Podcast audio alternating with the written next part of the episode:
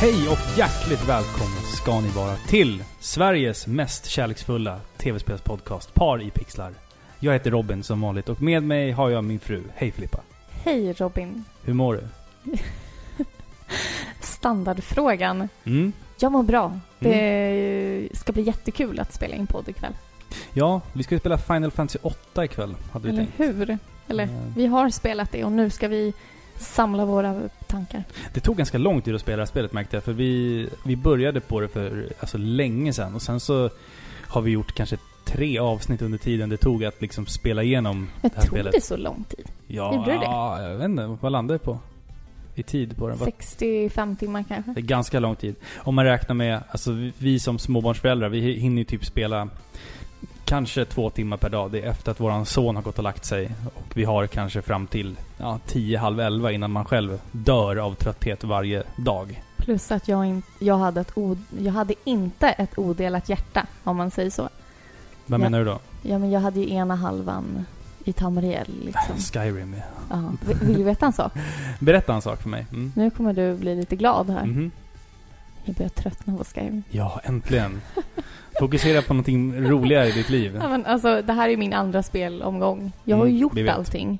Men sluta nu. Jag skojar, Nu förlåt. börjar det bli tråkigt nu Förlåt. när jag liksom har...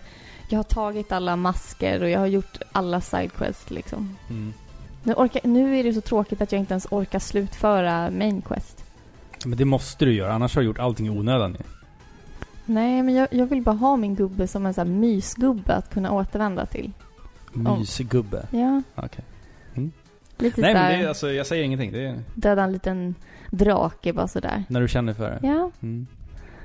Har du, alltså, du har spelat Skyrim den här veckan. Alltså, vi brukar ju oftast börja varje avsnitt med att prata lite om vad vi har spelat under den senaste tiden då. precis. Jag har spelat Skyrim. Mm. Ja, jag är jättetråkig, tycker du. Eh, men jag har faktiskt börjat spela Journey igen. Ytterligare ett spel jag redan har spelat. Men jag känner för att backtracka lite. Spelar du det i mer än en sittning? Jag, för jag, alltså, jag minns det som väldigt kort. Journey. Jag, jag har inte hunnit spela igenom hela, Nej, nej, okej. Mm. faktiskt. Vi har ju ett spel liggandes på bordet här också som vi fick idag. Som vi inte har hunnit sätta oss ner med än. Och det är Until Dawn till PS4. Så det kommer ni få höra mer om nästa avsnitt. Precis, vi är väl inte de enda som har lagt upp bild på den idag. På ju Instagram. nej. Precis, det är ju Mm. rätt många som har fått det idag från eh, spelbutiken. Mm. Och alla stoltserar med sitt exemplar på Instagram. Och det är kul. Alltså det är ett efterlängtat spel. Det är många som... eh, Du till exempel fick ju prova det på eh, GameX. Ja, det var förra året. Alltså, det var jättelänge sedan jag spelade det. Och du har ju varit pepp sen dess. Ja, ja, ja, absolut. absolut. Så eh, det ska bli jättekul. Vi ska spela det tillsammans. Och sen Mm. ska vi spela varsin runda. Och det kanske är bäst. För att jag vet inte om jag hade vågat spela det själv första gången. Det ska tydligen vara ganska läskigt. Ja, jag vet. Jag vet inte hur Så, eh, Alltså jag vet inte hur, hur man ska tolka det egentligen, för det är mycket handlar ju om att, att de vill göra PR för att spelet är så himla läskigt. Sen kanske det inte är superläskigt. Nej, det, Ehm. det känns liksom så här. Frågan är ju alltså så, vad det är för någon typ av skräck. Jag tror att det är ganska mycket blandat. pop-up, liksom, ja då kan det ju vara läskigt. Men samtidigt kanske inte jag tycker att en tortyrscen är läskig. Nej, Den är det är mer inte. obehaglig liksom. Men alltså mitt intryck jag har fått av, liksom, när jag, när jag, när jag provade det förra året och lite trailers och sånt, det är liksom att det är en blandning av typ Fredag den 13, Saw-filmerna. Exakt, den Ehm. känns ju ganska gory. Ja, men lite såhär Eh. butterfly-effekt-tänket kring hela designen också. Det här med att... eh, ehm, Nu hänger jag inte med. Nej, men det är det att, att eh, saker och ting... eh, En liten, en, en liten handling kan få en stor konsekvens och ändra väldigt, väldigt mycket. Ja, ja, men det skulle jag väl bara kalla ett konsekvenstänk. Jo, precis. Men sen Ja. har de ju en, en typ fjäril som, som logotyp också, som är olika... Jo, just det. Det, här, det stämmer. Ja. Det stämmer. Ja, vi, vi tar det med nästa gång. Jag har spelat eh, två spel den senaste tiden. Jag har spelat eh, Super Mario 3D-land till eh, 3DS. Och jag har inte spelat ett Mario-spel sedan Super Mario Sunshine, tror jag, på GameCube-tiden. Eh, så att det, här var, det här var väldigt fräscht för mig. Det här spelet har funnits ute ett par år nu. Men eh, jag var jätteförkyld. Jag hade en riktigt manlig förkylning. Eh, så att jag, jag Ja. låg i, i sängen och spelade det här spelet. Och jag spelade det från början till slut på två dagar, tre dagar kanske. Ja, det gick ganska snabbt för dig. Ehm, ja, alltså jag måste faktiskt berömma Nintendo för att i det här spelet så bevisar de att de fortfarande har några av de bästa bandesignerna i... eh, Alltså bandesigner i plural. Bandesigners. Ja. Bandesigner. Bandesignen i det här spelet är helt fantastisk. Och det känns, varenda bana känns otroligt unik i tema, färg och hur du liksom ska ta dig vidare på banan. Det är de här klassiska liksom ökenlandskapen. Eh, det är några klassiska så här autoscroll levels där liksom du får inte nudda skärmens kant för då dör Men du. det är ju ändå element som man tidigare har stött på Mm. i de flesta spelen. Var det någonting som var helt nytt? Eh, ja, det var ju bland annat den här uh, funktion... Alltså för det första, 3D-funktionen fungerar faktiskt väldigt bra. Jag brukar vara väldigt kräsen när det kommer till 3D, både i film och i spel, för jag har jättesvårt att se liksom, djupet i det. Eh, men här, här är det bara ganska enkelt och många av de här banorna handlar ju om eh, djup. Liksom att du ska liksom kunna hoppa långt upp i luften och så ser du banan långt nerifrån. Ska du försöka landa på en liten plattform någonstans. Häftigt. Eh, och det kändes ganska nytt. Och då har du som en liten propellerhatt på dig. som gör att du flyger väldigt högt upp i luften. Och ska försöka liksom landa på en specifik liten, liten fyrkant någonstans. Jag hade ju fått svindel. Jag är så Ja, känslig alltså- sånt. Det roliga är så här, jag fick lite svindel när jag spelade det. När jag spelade i ett mörkt rum med 3D maxad liksom. Jag bara så här, shit. Det är ett bärbart spel som får mig att må, liksom lite Eller så här. hur? äh, Det suger till i magen liksom. Ja, det är lite så här berg och dalbanekänsla. det är häftigt när ett spel lyckas med det faktiskt. Ja, ja, absolut. Sen, Men då är det ett spel som du rekommenderar helt enkelt. jag rekommenderar det varmt. Eh, det blir väldigt svårt framåt slutet. Men, De tenderar till att bli det. Oftast, alltså, man alltså, ser på dem kanske som ett barnspel, men det är ju faktiskt svårt och speciellt nu med 3D också. jag tror att som barn, om jag hade spelat det som barn, då hade jag nog lagt ner mer tid på det och nött det mer och liksom klarat det på det, på det sättet. Men nu man, när man är vuxen, jag har inte lika mycket tid till spel längre. Så att det blir liksom att man vill, att, man vill klara banan. Ja, liksom. och man har blivit kräsen också. Man är, Mm. man är van vid lätta spel. Jag tror Faktiskt. ta lite, jag tror ta lite kaffe, förlåt. Det är lugnt. Ehm, nej men exakt. Ehm, och, eh, nej men det är utmanande och riktigt, riktigt roligt. Och det kostar säkert inte mycket idag att plocka upp i butik. Så att jag tycker att man verkligen ska göra det. Egentligen en eloge till eh, Nintendos plattformsspel. Ja, ja, ja. Just absolut. för att de liksom håller ju de håller ju kvar vid den här gamla klassiska svårighetsgraden. Mm, exakt. Dagens spel är ju ganska lätta jämfört med eh, alltså dåtidens Mm. spel. Medan Nintendo liksom, de har ju sitt stuk. De kör ju på det. Vilket gör att det blir ganska svårt. Mm. Exakt. Jag har spelat ett spel till. Som inte var speciellt lätt. Ehm, det var, jag, jag faktiskt... eh, nu inför release av Metal Gear Solid 5, The Phantom Pain, så har jag äntligen satt mig ner och eh, spelat igenom eh, Ground Zeroes, som då är en liten, vad ska man säga, en prolog, prolog till... Prolog. Till, prolog till, ehm, till Metal Gear Solid 5, The Phantom Pain. Eh, ett, ett, de- demo skulle man kunna kalla det på runt en timme.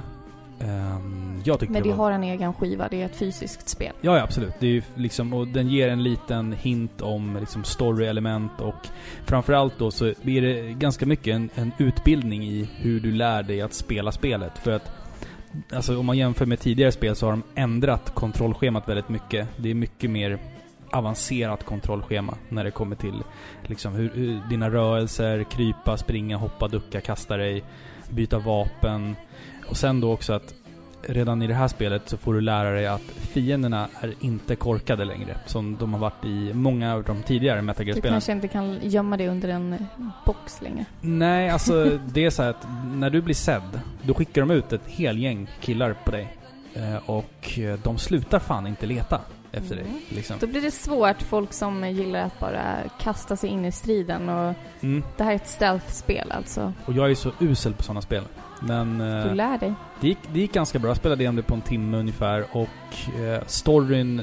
Eh, alltså, det här är alltså fortsättningen på eh, Peace Walker till PSP. Och det här spelet ska då vara den sista pusselbiten som länkar samman eh, länken mellan Peace Walker och originalet Metal Gear på NES. Som jag har förstått det i alla fall.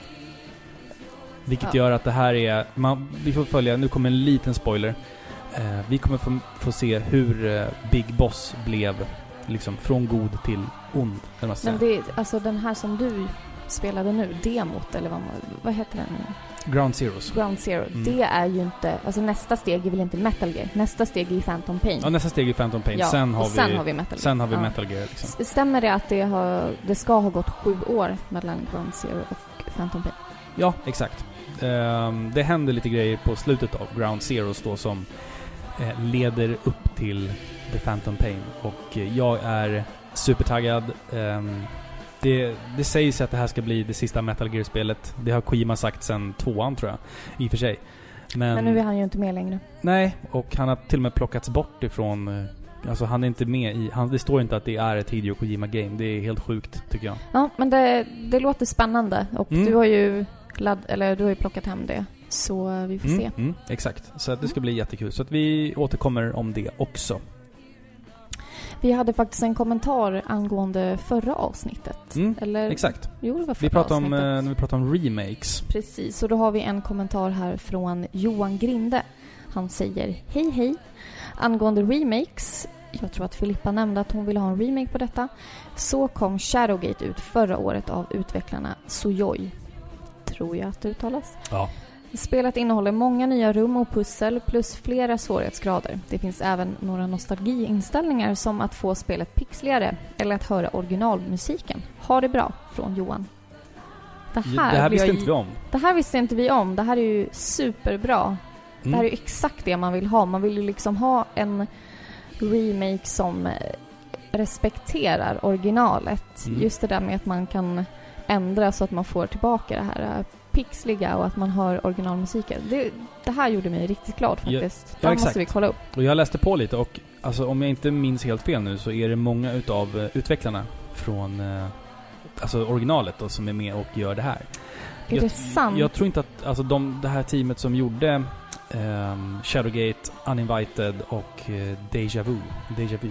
De var inte speciellt många. Och så jag tror att det här är liksom core-teamet som, är, som har eh, känt att nej men vi vill göra Shadowgate. Vad liksom. kul. Ja, men då får man väl hoppas att eh, remaken liksom har behållit samma anda. Ja, exakt, exakt. Det, det, det, det Shadow, Shadowgate är verkligen värt det. Den behandlingen liksom, tycker jag. Det tycker jag. Och musiken är ju superb. Mm. Men hör du, Mm. nu ska vi prata om eh, Final Fantasy 8. Så jag tycker att vi öppnar med lite musik. Stämningsfull musik för att hamna i rätt känsla. Och så hörs vi igen om någon minut. Det tycker jag också.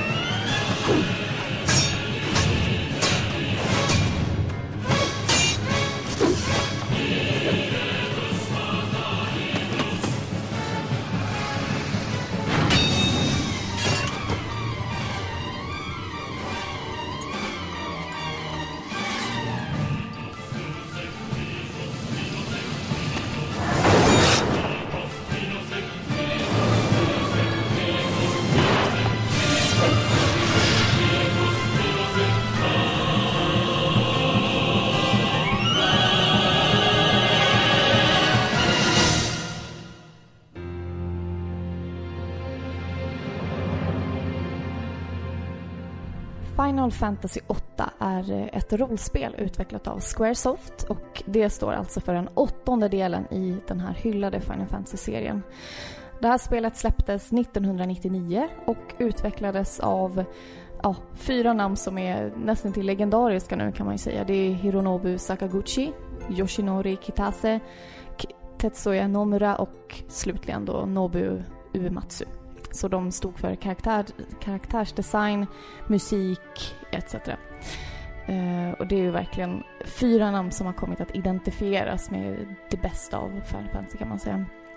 Och det här spelet, det släpptes på Playstation 1 och PC och det följer precis som sina föregångare ett eh, klassiskt turbaserat stridssystem där du får välja mellan fysiska attacker med vapen eller magi.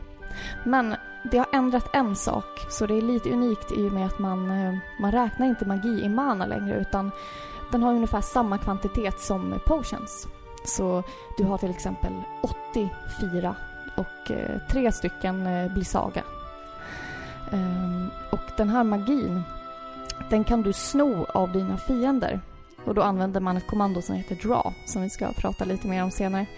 Och den här magin kan du även lägga in på dina karaktärer för att gynna vissa egenskaper. Och det är någonting som kallas Junction. Och det är ett viktigt element i det här spelet.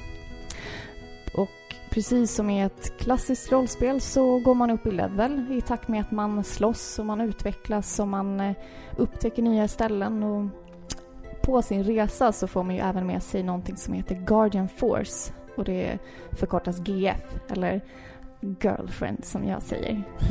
jag, jag läser Girlfriend hela okay. tiden. Mm. Men det är starka väsen kan man säga med olika färdigheter som hjälper en i striden. Det är inte första gången vi ser de här i Final Fantasy-spel. De kallas även Summons i andra spel. Eller det... Espers. Eller Espers, mm. ja precis. Men det är lite hur man spelar spelet. Vad handlar det här spelet om, Robin? Ja, vi får spela som Squall. Han är 17 år och studerar till att bli en så kallad sidsoldat på militärakademin Balamb Garden. Som är egentligen som en japansk typ high school i miljö och sådär. Han är tystlåten och tillbakadragen och eh, kan klassas som en emotionell tonåring. Som verkligen inte gillar att arbeta i grupp. Men en dag får han ett väldigt speciellt uppdrag som blir början på hans livs resa. Under den här resan kommer han att stöta på nya vänner, nya fiender och bli tvungen att fatta beslut som kommer att påverka andra än bara honom själv. Final Fantasy 8 är en tonårings resa genom krig, vänskap och kärlek. Mm, det var bra sammanfattat tycker jag. Mm, exakt. Alltså, en fråga som väcks direkt när man tänker på Final Fantasy 8, det är ju att det är uppföljaren på Final Fantasy 7 som blev väldigt, väldigt hyllat. Och hur vidare det här spelet egentligen står sig mot sjuan är ju upp till eh, tolkning, tycker jag. Ja, verkligen. Jag, jag tycker Final Fantasy 8 för mig, det är ett spel som tyvärr hamnar i skuggan av Final Fantasy 7 som släpptes endast ett och ett halvt år innan. Ja, det? ungefär något sånt där. Alltså, hypen var ju enorm till Final Fantasy 8. Grafikmässigt så är ju spelet ett mästerverk, verkligen. Från Clouds polygonarmar och Tifas spetsiga bröst så fick vi helt plötsligt ansiktsuttryck, vi fick detaljer, vi fick verklighetstrogna proportioner. Och för att inte tala om alla cutscenes. Så det går ju inte att förneka att det är ett otroligt snyggt spel. Men man kommer inte undan att jämföra med Final Fantasy 7. Nej, det är omöjligt att inte göra det. Precis, alltså. så det är ganska naturligt. Vi har faktiskt fått en kommentar just om det här, så jag tänkte att vi skulle ta den. Mm. Joakim Andersson skriver Jag tycker att det var episkt och den självklara uppföljaren på Final Fantasy 7. Jag gillade karaktärerna och världen. Stridssystemet var bra utvecklat från sjuan. Men på den tiden förstod jag inte att man kunde bli mer mäktig genom att använda draw på fiender än om man bara levlade upp som vanligt. Jag visste inte heller om att fiender skalade upp i level samtidigt som du gjorde det. Älskade verkligen att man såg alla i sitt party när man sprang runt. Fattar dock inte storyn på slutet. Ja, det var ganska mycket i den här kommentaren. Så vi får ja, försöka precis. beta av lite grann här vad, vad Joakim uh, skriver. Um, jag tänker så här då direkt att stridssystemet känns ju alla vet ju hur Final Fantasy 7 stridssystem går till. Du, ehm, du, du eh, går ute på... Alltså man har ju som städer då. Så, sen så kan du också befinna dig på liksom en världskarta där du går emellan de här städerna eller platserna. Och eh, rätt vad det är så kastas du in i en strid. Och eh, stridssystemet i Final Fantasy 7 var ju liksom det här med materia, att du hittar olika små ädelstenar, eller vad man ska kalla det för, som, som ger dig olika färdigheter, magier och skit. Eh, men i det här spelet så är stridssystemet väldigt annorlunda. Det handlar ju mer om det här som du sa med Guard Forces, eller GF. Att man liksom stöter på de här väsena, eh, andar eller vad man kan kalla det för. Det finns Ifrit, Shiva är ju några av de här klassiska. Sen har du Odin som också är en sån här klassiker. Eh, och du equippar dem till en av dina karaktärer. Och sen får du liksom färdigheter via dem. Det systemet tycker jag, alltså jag tycker att det på papper låter det väldigt bra. Men jag tycker att i det här spelet så kan det uppfattas som att det är ganska slarvigt utfört. För att det är jättemycket tutorials hela tiden. Men det är liksom det är svårt att lägga allting på minnet och det är liksom svårt att, att eh, liksom se resultatet omedelbart. Och, och förstår du vad jag menar lite? Ja, jag förstår vad du Mm. menar. Jag spelade det här spelet för första gången nu. Mm. Eh, jag, jag tycker så här att det här spelet är verkligen en vattendelare. Det Ja, ja, finns folk absolut, som verkligen absolut. älskar Final Fantasy 8 och det finns folk som ja, tycker att det är annorlunda jämfört med de andra spelen. Som kanske jämför det med Final Fantasy 7 och därmed ser spelets brister. Jag vill inte påstå att folk som älskar det här spelet gör det enbart på grund av sina nostalgiglasögon. Mm. Men jag skulle ändå vilja säga någonstans att de kanske inte ser spelet för vad det är. De är partiska. Mm. För att jag tycker, nu när jag har spelat det här, jag är vuxen och jag ser det opartiskt liksom, Mm. så tycker jag att det har brister. Det här är ett spel som har, såna, som har sån otrolig potential men tidsmässigt så märker man att de har slarvat lite. Men just det där med junction-systemet som du nämnde och hur man liksom drar magier och själva stridssystemet helt Mm. enkelt. Du förklarade för mig att ja, det här kommer bli lite knepigt liksom. Och jag kommer ihåg första gången vi började spela Final Fantasy 8 Mm. det var ju för väldigt länge sedan. Då tyckte jag att det var väldigt, väldigt svårt att sätta sig in i. Den här gången däremot så tyckte jag inte det. Nej. Jag tycker inte att det är svårt längre. Och fine, det är knepigare än de andra Final Fantasy. Ja, mycket jobb. Alltså mycket, mycket mer invecklat. Det är mycket mer invecklat, men det räcker med att man lär sig det en gång, tycker jag. Mm. Och sen kan man det. Men vi har ju märkt nu när vi har läst era kommentarer och etc. Jo- Jocke skrev ju också det, eller Joakim skrev ju också det i sin kommentar, att han förstod inte förrän senare hur man skulle göra. Nej, exakt. Så det är ju så att det är många som eh, i tidig ålder spelade det här spelet, gick miste om en hel del i, i spelet. Ja, Just för att de inte visste hur man skulle ta sig an själva stridssystemet på ett Jo. ordentligt sätt. Exakt, för jag, jag minns ju hur det var. Jag köpte det här spelet på release, eller jag fick det på julafton där. Eh, och jag minns att jag hade väldigt svårt att förstå stridssystemet. För att Final Fantasy 7 var ganska enkelt. Det var mycket färg, alltså mycket färger, de här materierna liksom. Man förstod så här, okej, en röd ger mig samman, grön magi, etc.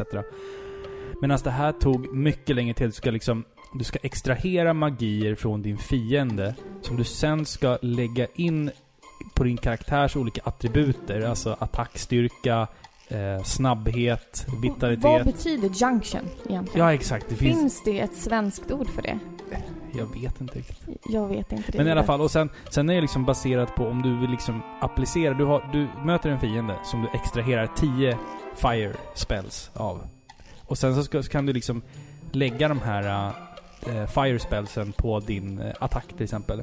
Och sen är handlar det om hur många fire spells du har för att attacken ska öka. Så det handlar om att du tidigt i spelet ska försöka snappa upp så mycket starka magier du bara kan egentligen. Ja, och det här är ju väldigt intressant. Alltså, hela det här draw-systemet och junction, det har gjort att folk undviker att spela det för att det är svårt. Och det är otroligt långsamt i början. Alltså, det är det. Att innan man Men- lär sig det, det är så, så långsamt i början alltså. Precis, och just i början så tycker jag att det leder mest till en hetsig jakt på de Mm. bästa magierna. Exakt. Och det tar tyvärr bort lite av det roliga i fighterna när man liksom tv- tvingas dra magi från en fiende. Man kan liksom Mm. inte njuta av spelet i sin helhet då, utan man tänker mer på vilka magier fienden har. Plus Mm. att man förlorar en turn Ja, och, och tar en extra smäll.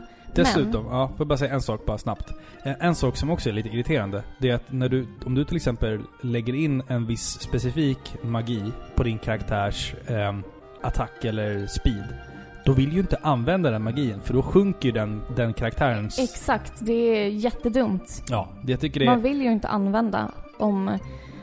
För det är det som gör att man får hög hälsa, Du vill använda bra fire. attack. Du vill använda fire, men karaktärens... Eh, om du har den liksom på speed, då sjunker karaktärens fart. Ja. Och det blir så här. För du får mindre. Ja, det, Exakt. det gör ju att man bara vill spamma attackknappen hela tiden liksom. Och undvika att använda magier. Jag undrar lite hur det var tänkt att man skulle spela det här spelet. För Mm. eh, det är ju helt klart ett problem. Men som sagt, några förstod ju inte tanken bakom det här. Men faktum är ju att ens eh, dina Guardian Force kunde ju lära sig en förmåga som hette Refine. Mm. Och det var alltså en förmåga som omvandlade vanliga föremål till starka magier. Ja. Eller vanlig magi till superduper bra magi. ja, exakt, exakt. Och så fort man har förstått det, då var spelet klart. Det, då, då blir det så busenkelt. Ja, för då har du brutit spelet. Mm. Det är verkligen så. Så jag förstår ju verkligen att folk som inte tog vara på den här refine-förmågan, de Mm. lär ju haft det svårt. Exakt, exakt. Sa inte du att du i slutet, alltså din, din första omgång av det här spelet, sa inte du att du hade väldigt, väldigt låg hälsa då? Alltså jo, för att jag, det tog mig, som jag sa tidigare, att det tog mig så lång tid att lära mig junction-systemet så att till slut så ignorerade jag det bara. Och bara använde mig av mina guard forces för att alltså, besegra fiender och bossar. Så att Du jag, klarar ändå spelet, jag, det är spelade, alltså jag spelade nästan hela vägen till slutet utan att ens förstå vad det var jag höll på med. Och sen så framåt slutet, då så här. Jaha, men nu ska jag... För jag var ju ganska ung när det här släpptes liksom. Jag satt jag med- tio år. Då satte jag mig ner och bara så här. Nej, jag måste faktiskt lösa det här. Hur, hur gör jag det här? Och sen så började så här, så började pusselbitarna i huvudet samla, samla sig liksom. Och jag bara så här, okej, nu förstår jag. Så att jag var nästan på slutet av spelet innan jag liksom började equippa gubbarna med bra magier och junction och, och liksom allt sånt där. Det här är ju ett problem, helt klart. Man ska, det ska ju inte gå ända till slutet innan man förstår hur man gör sina gubbar bra. Det, är Mm. alltså, det här är en sån viktig del i spelet. Ja, det är ju förutsättningen för att du ska kunna komma vidare. Ja. Jag förstod, förstod inte hur jag kunde komma så långt som Nej. jag gjorde utan ens liksom det- knappt equippa karaktärerna. Man kan inte enbart skylla på din unga ålder utan jag tycker att spelet i sig känns väldigt hafsigt gjort just när det känns... Just när det gäller den här delen. Menyer och, och equipment och sånt. Alltså, Ja, det är väldigt krångligt så. Alltså det, det, Men- det är typ nu när jag spelar det nu, den här gången, för det, det här kanske är tionde gången jag spelar det här spelet. Och då, det var typ nu jag kände så här: oj oj oj vad man skulle kunna gjort de här, alla de här menyerna när det kommer till att eh, lägga in magier och junction och guard force och allt sånt där.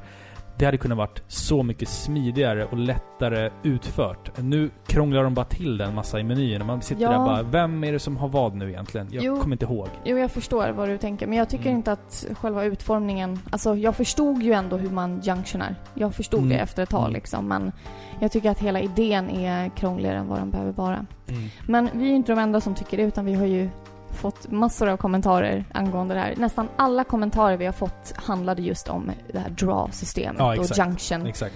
folks klagomål. Men vi ska ta några. Vi har då från vår gode vän Axeli. Han säger det var aldrig tänkt att man ska dra all magi från alla monster i spelet, vill jag bara påpeka. Därför fanns ett Refine Magic from Items-system. Fast eftersom det bara var en skill bland många som alla girl... Girlfriend, där kom det. G. Guard som alla. Guard Force kunde lära sig är den tyvärr väldigt lätt att förbise. Mm. Ja, det är exakt det vi har sagt ja. Och alltså, för att din GF ska kunna lära sig den här Refine Magic from Items uh, abilityn, så alltså, den lär sig den ganska sent i spelet. Eh, speciellt om du inte vet hur du ska få fram den, så, så lär den sig den automatiskt ganska långt in i spelet. Så att vi snackar alltså kanske skiva två, tre någonstans här av fyra. Fast hade inte, alltså de första GF hade ju dem. Nej, De hade möjligheten att lära sig den. Jo. inte från början. Du, var tvungen att, du är tvungen att lära dig... HP eh, Junction kanske. Nej, du är tvungen att lära dig... För att kunna få fram den här uh, Refine Magic from Item så är du tvungen att lära en av dina GF två andra abilities innan den här ens dyker upp. Okej, liksom. okej. Ja men Så det går ju den- ganska snabbt. Jo men den är ganska gömd Mm. i spelet liksom. Och sen tänker man inte vad, vad är det där liksom. Ja, exakt. Så det är nog förbises. Ja men det, det var en bra kommentar för det är exakt så det är faktiskt. Mm. Det stämmer väldigt bra.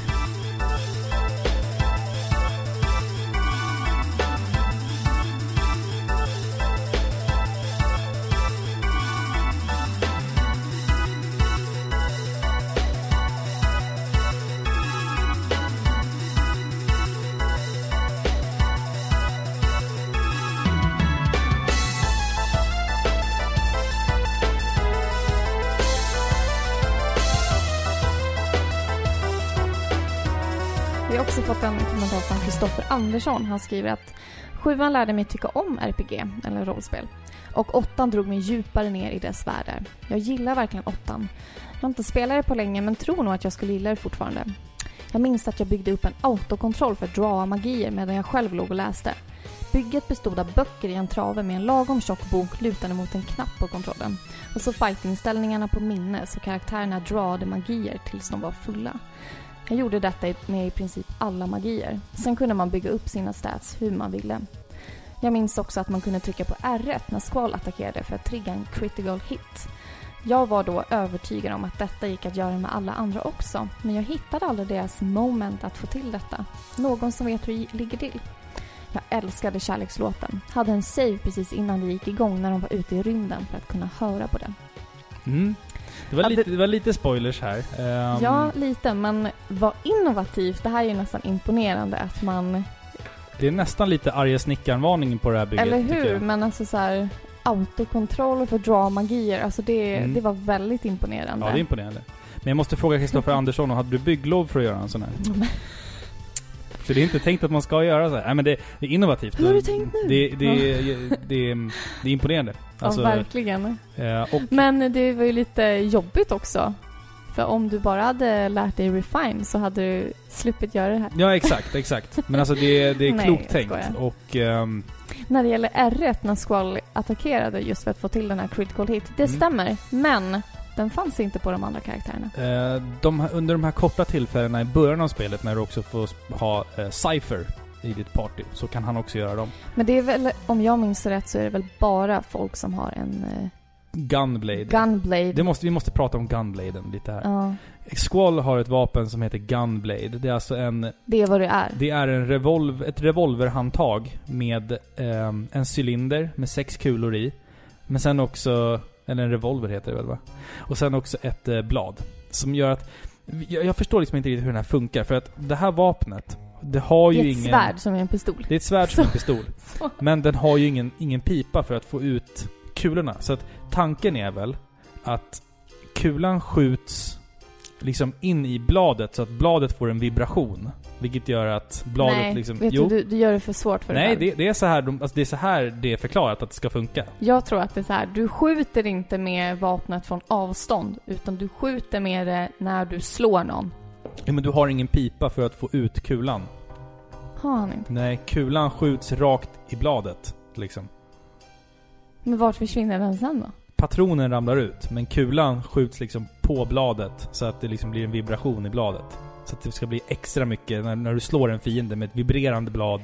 Ja, ja. Alltså det är, ja, det, ja. det är Final Fantasy det här. Vi måste ha, vi, må, vi kan inte... Jag vet att det är folk som brukar whina över att det är så här ridiculous, eh, så stora svärd och, och, och pistolsvärd. Men det är Final Fantasy, lev Ja. med det. Fan det ska vara så. Det, det är inte Final Vem Fantasy bryr annars. sig? Ja, exakt. Och sen tyckte jag det var extra gulligt att han hade en save, eller en sparfil precis där den här kärlekslåten är. Mm. Jag måste bara säga snabbt här, vi ska lyssna på kärlekslåten lite senare.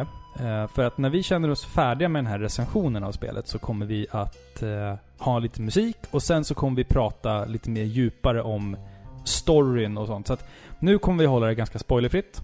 Men sen lite senare så kommer vi att gå in och prata mer analytiskt kring eh, slutet, kring karaktärerna, till karaktärsutvecklingen och liksom ge lite exempel på, på det. Och lite tankar kring, kring det liksom. Precis. Så att nu är det fortfarande spoilerfritt, så att ni vet. Ska vi ta en kommentar till från Evo Gamer? Ja, exakt. Den här fick vi på Instagram va? Det stämmer. Ska du läsa? Vill- vill jag Du, du är läsa? bättre än att läsa kommentarer än mig. Ja. Det, har, det har vi lärt oss vid det här Kan du inte spara det där när du hackar i? Det hade varit jätteroligt i, i slutet. Ja. Han skriver så här. Apropå spelet var det en grafisk uppdatering gentemot sjuan som heter duga. Fantastiska cutscenes. Älskade särskilt fältslaget mellan gardens i mitten av spelet. Men rent visuellt är det fantastiskt. Musiken är också topp. Mitt favorit-soundtrack till Final Fantasy faktiskt. Spelsystemet gillade jag inte alls lika mycket som materiasystemet i sjuan som är och förblir min favorit. Det var inte så kul att draw magic stup i kvarten och det faktum att de bästa magierna också hade störst inverkan på stats gjorde att man inte ville nyttja dem i strid.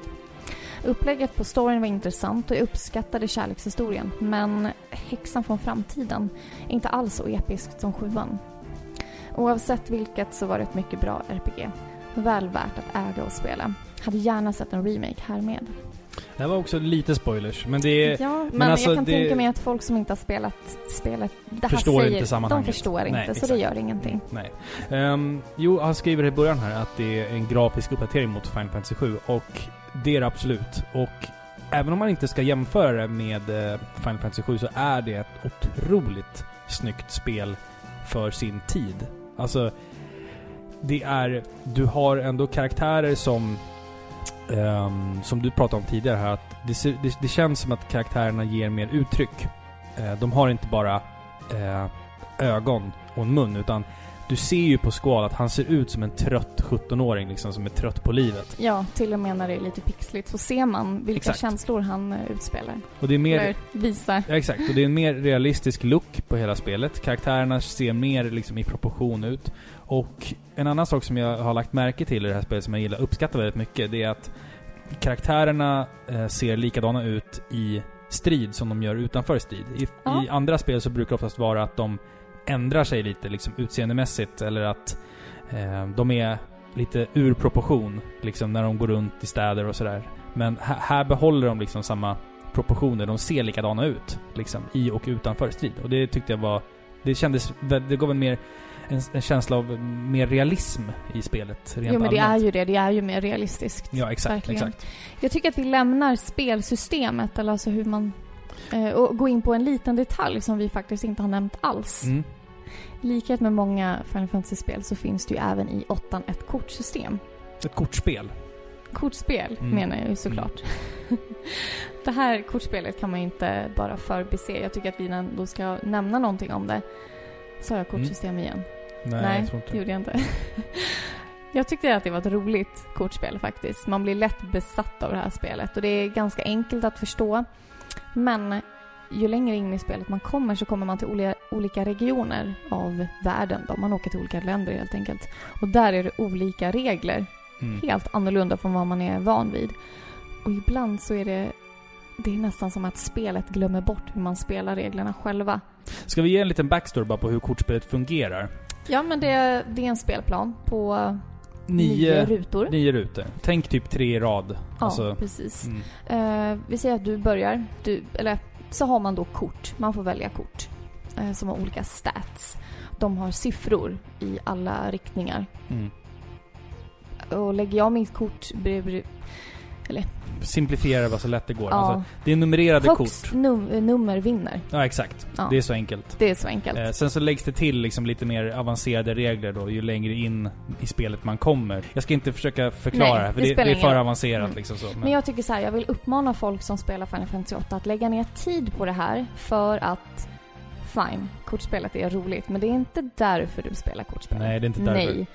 Kortspelet kan omvandla kort till ovärderliga magier. Alltså riktigt badass magier som Mm. egentligen klarar spelet åt dig. Så det är därför man ser till att skaffa alla de bästa korten, vilket vi gjorde I stort sett alla, ja. i stort sett alla. Eh, och det är kul, men det är otroligt svårt också. Men jag skulle vilja påpeka ett fel i det här och det är att man tappar lite stämningen när man man är mitt uppe i en dramatisk scen. Världen håller på att gå under och alla är livrädda. Och helt plötsligt måste du spela kort. Ja, exakt. För att det är det enda tillfället du kan få det här kortet av just den här personen. Ja. Och det är lite... Mm, alltså hade Ja. de inte kunnat vänta tills allting var över? Eller precis innan, minuterna innan? Det, Mm. Jo, exakt. Och det är lite så här, jag ska rädda världen men först ska jag bara besegra dig i ett kortspel. first. Ja, det Alltså är det- lite det. Är det kanske medvetet att de gjorde så just för att man ska missa det där kortet? Ja, exakt. Exakt. Ja. Det är ju så de har tänkt. Eh, och ett tips till alla som ska ge sig in i det här spelet är att spara varenda gång innan du spelar kort mot någon. För att blir du av med ett kort, då kan du få kämpa hårt för att vinna tillbaka det kortet längre fram. Ja, och ett kort kan vara värt otroligt mycket. Ja, precis. Så att alltså kortspelet... ehm, alltså vill man göra spelet väldigt lätt för sig, då spelar man mycket kort, vinner bra kort och sen längre in i spelet så gör du om de här korten till, till liksom items och spells och då blir du liksom oövervinnlig. Det finns ingen chans att du inte klarar slutet på spelet om Nej, du har spelat, spelat mycket kort. Så, Om du har ett par hero till exempel. Ja, exakt. och och det, det är det jag gillar med det här spelet, är att det här är ett minispel, en sidequest, som ändå belönar dig väldigt, väldigt, väldigt mycket. Det är typ som i Final Fantasy 9 till exempel. Då har du också ett kortspel, men det är ingenting som liksom belönar dig. Du, Du, kan, får ingenting. du kan få nya kort. Och sen kan du vinna mot någon och kanske få en liten skatt, en liten belöning. Här är det liksom så här: okej, har du det där kortet, okej, här har du 100 fler magier. Man Mm. bara, Bara sådär. ja exakt. Mm. Och det, det är liksom... Då blir de där Blissaga, eller Firaga, ganska så fjuttiga jämfört med det. Ja men exakt, exakt. Så att spela mycket kort liksom. Och det, det, är, det är ganska beroendeframkallande. Och det finns till och med alltså, appar till smartphones du kan ladda ner där du kan spela det här Jag kortspelet. tror min syster har den faktiskt. Och den musiken är också väldigt catchy liksom. Ja, Och sådär. faktiskt.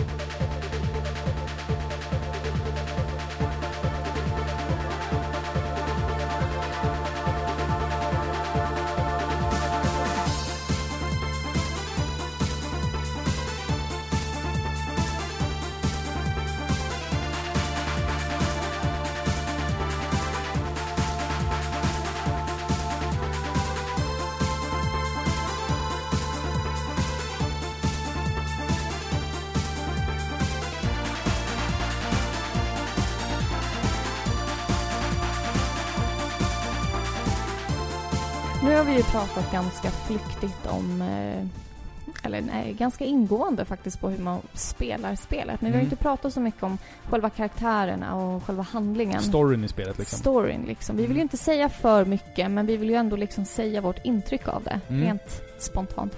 Jag tycker att karaktärerna i Final Fantasy 8 är under all kritik. Faktiskt.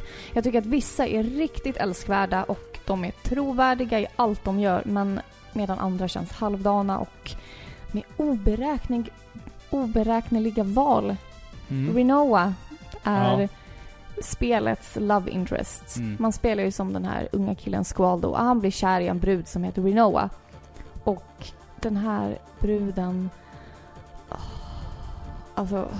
alltså hon gör spelet dåligt. Ja. Hon, Hon- är hon- så jobb. Hon hjälper inte till en enda gång. Nej. Nej. Nej. Varje gång hon försöker lägga sig i, då går det... Då blir det skit. Mm. Ja. Exakt. Alltså jag har ju haft svårt med tjejer, alltså i, överlag i Final Fantasy-spel. Mm. Just för att de alltid porträtteras så naiva och de är unga och lite dumma. Det finns så, undantag alltså. Det finns undantag, Verkligen. självklart. Jag har inte spelat sexarna men jag vet ju att, ja, jag fattar. Final Fantasy 7 och Final Fantasy 9 har också ganska mycket kvinnliga, starka alltså, karaktärer. Jo, jag, jag tänker eh, Renova och typ Garnet i början gillade inte jag. Nej, exakt. Eller jag gillade inte ehm, i Final Fantasy 10. Nej, exakt. Gillade jag inte Nej, jag heller. förstår vad du menar. Eh, men de har liksom ändå... De har nått en vändpunkt när de har liksom blivit badass. Mm. Fine, alla tjejer behöver inte vara krigsmaskiner, men de behöver inte vara helt blåsta heller. Alltså, jag har aldrig stört ihjäl mig så mycket som på Rinoa. Alltså på en spelkaraktär som jag gjorde på Rinoa. Nej. Alltså hon, hon känns ju mer... Nu ska vi inte prata för mycket spoilers här, men hon känns ju mer som en påtvingad plot device än vad hon känns... Eh, Exakt. som- Åh som en- nej, som en det här karaktär. spelet behöver en love interest, en damsel in distress. Så vi Alltså- slänger in en tjej här. ja, och alltså jag menar temat på hela spelet är ju kärlek. Ehm, Men det, men det hade kunnat- märks inte. det hade kunnat ehm, förklaras i storyn eh, och alltså uttryckts bättre i storyn. Det känns lite krystat. Och Renoa känns som att hon är en damsel som sätter sig själv i distress hela, hela, hela tiden. Liksom. Ja, och man bara sitter där och väntar på att hon ska ändras eller att ah, det måste ju Mm. finnas en förklaring till att hon är så korkad. Va- hallå? Ska jag säga förklaringen varför hon är korkad? Eller inte, alltså förklaring och förklaring. Alltså att Final Fantasy 8 har ju... Det är ju ett spel som riktar sig till en väldigt specifik målgrupp. Den, den, de, de hade ju liksom koll på att okej, Final Fantasy 7 sålde bra bland liksom tonåringar i Japan och USA. Därför satte de ju ehm, det här alltså, spelet i en skolmiljö och gjorde karaktärerna till alltså tonåringar som var liksom målgruppen. Tanken var väl att man skulle kunna, skulle liksom kunna identifiera sig med karaktärerna. Jag tror Ehm, inte någon identifierar sig med henne. Nej, men det, det jag menar är mer att... att Ja, jag är dum och korkad. Va, vilken tur att jag har hittat en karaktär som speglar mig. nej, men, men, men mer så att kanske beskriva alla olika hormoniella stadier som en 17-åring i en skolmiljö kan gå, tänka sig att gå igenom. Fine. Sen så måste vi tänka också att det, det här spelet är ett japanskt spel och det är... Det går till lite annorlunda i olika kulturer, det säger jag utan att försöka låta rasistisk på något sätt. Men, men jo, men att självklart. det funkar ju olika liksom ja. i olika världsdelar. Jag tycker att eh, i och med att det här ska vara en historia om kärlek så tycker jag att det var väldigt eh, påkrystat. Mm. Det var väldigt krystat. Men eh, Squall är ju en sån djup individ. Och Mm. jag trodde inte för ett ögonblick att han var kär i Rinoa. Nej, vi, nu får vi inte prata mer om det här för jag, jag, jag vill spara lite till, Okej. till spoilerdelen Ja, här. Vi ska, då, vi ska då, prata då kan mer. vi bara säga som så att eh, hon var en dålig karaktär. Ehm, en grej som... Det första, alltså vi har pratat lite om grafiken och så här. Eh, och jag måste också alltså, berömma ehm, Squaresoft för alltså, de fantastiska cutscenesen i det här spelet. Öppningssekvensen i det här spelet är väl ungefär en, fyra minuter långt ungefär och visar lite vad som kanske händer under spelets gång. Eh, och berättar samtidigt en story som leder upp till spelets början, så att säga. Den cutscenen och musiken är fantastisk för sin tid. Och även så alla andra cutscenes. Eh, speciellt många av de som vi ser eh, längre in och framåt slutet av spelet är, det är otroligt mycket detalj och en scen som jag tror att de flesta tänker på när jag pratar om cutscenes i Final Fantasy 8 är dansscenen. Um, vi säger ingenting. Har ni spelat spelet så vet ni vilken scen det är liksom. Uh, men vi fick faktiskt en kommentar just om den här scenen också.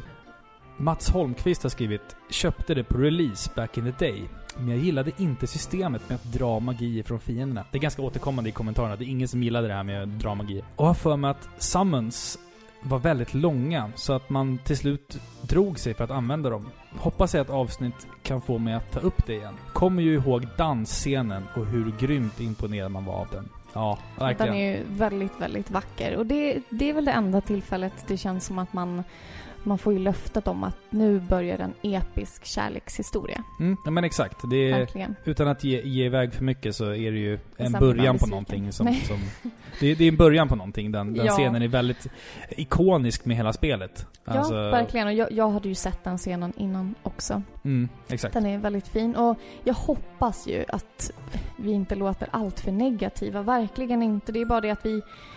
Man blir kräsen när man har spelat många andra Final Fantasy. Och det här spelet är väldigt annorlunda, så det är väl Mm. det. Det är inte dåligt, det är bara annorlunda. Ja, det är det absolut. Alltså en, en, en av anledningarna till att det kanske känns lite annorlunda, det är ju att uh, Hironobu Sakaguchi, som eh, under de tidigare spelen då har varit ganska mycket med och bestämt hur det skulle gå till. Eh, han, var, han var upptagen med att eh, jobba på den här långfilmen Final Fantasy The Spirits Within under utvecklingen av det här spelet. Så att han... eh, Vilket dåligt val. Det var ett ganska dåligt val, ja. Så han lämnade över ganska mycket producentstolen till eh, de andra. Han var mer en exekutiv producent under det här spelet. Och det är därför det skiljer sig så mycket eh, från de tidigare spelen då. Och kanske påminner lite mer om de senare spelen i just story och, och sådär.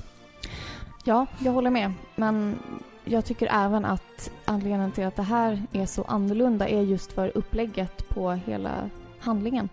Mm. Jämför du med andra Final Fantasy, då får du så mycket. Du får en helt, alltså fullt utbredd story. Du får åka till olika delar av världen, du får upptäcka så mycket. Det känns så genomtänkt. Det Mm. finns så mycket i spelen att upptäcka. Ta bara Final Fantasy 9. Mm. Du letar dolda skatter och du, du hittar en eh, Chocobo Heaven eller vad det heter. Ja, exakt. Mm. Eller Paradise eller vad det heter. Men det finns så mycket i de spelen att hämta och det Mm. känns genomtänkt. Varje karaktär har ett alltså en utstuderad historia som känns genomtänkt. Handlingen i Final Fantasy 8, det är bra. Den är spännande, den är vuxen, den är lite läskig ibland, men den är full av plot holes. Och tro mig, jag älskar att få hintar och kunna bilda min egen uppfattning och inte, och inte bara få allting serverat. Men det här är så håligt att det här spelet har fött fram de mest bizarra hypoteserna jag har läst inom Final Fantasy-universumet. Jag menar, lösa familjeband, relationer som känns slarviga och det är lite svårköpt liksom. Mm, exakt. Men jag tror också att det är för att spelet i, alltså, min uppfattning är att spelet går på ganska låg växel när det kommer till story hela tiden. Att den vågar aldrig... Så fort det liksom händer någonting och det börjar bli lite spännande, då är det någonting som bara... Nej, där dog det igen. Där dog stämningen helt. Och sen så... Liksom att det byggs upp till ett klimax och så händer ingenting. Det är liksom... Det, det är väldigt mycket så i det här spelet. Um, men det roliga är att det är liksom inte riktigt... Um, det vågar liksom aldrig alltså höja tempot och verkligen få det att... Visst, det händer ganska stora saker, stora händelser i storyn i det här spelet. Men det är, resan till de här punkterna är väldigt långa och det tar... Tafatt. Ja, och det är lite liksom... Skiva 1 känns liksom... Det, det händer inte så mycket på den skivan. Det är fyra skivor långt det här till Playstation då. Uh, och det är egentligen framåt skiva 3 som det liksom börjar hända saker. För skiva 1 känns som en introduktion.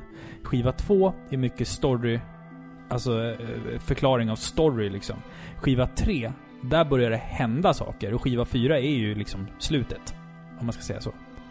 Så att det, det är en ganska lång resa dit. Men det roliga är att när jag spelade det här spelet som eh, som barn, så, eller som un, alltså ung, eller jag vet inte om jag var barn till och med. Du var väl um, tio år, så du var ett barn? Ja, och jag minns det liksom inte riktigt som, som så. Jag vet inte varför. Jag kan liksom inte minnas att... Nej, men jag försöker liksom reda ut här om det här spelet har som...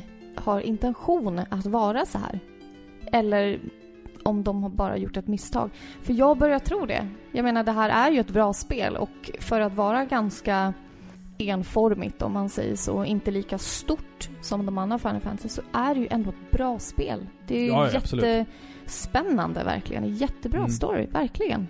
Uh, så jag tror liksom att de bara körde på en annan approach den här gången. Jag de tror också inte, det. De vill inte vara ett Final Fantasy 7 eller Final Fantasy 6. De, de vill göra något eget den här gången. Och det är därför jag tror att det lyckas någonstans. Mm, jo, exakt. Och det är därför det är så älskat av så många människor och kanske inte så jätte, jätte omtyckt av andra människor. Det är en vattendelare. Det är en vattendelare verkligen. Men så jag, bara... ja, jag tror inte de gjorde något fel. Nej, liksom. alltså Eller det... att de råkade glömma plot alltså glömma bort karaktärer. Utan de ville ha det så här. De lämnade nog mycket åt tolkningen.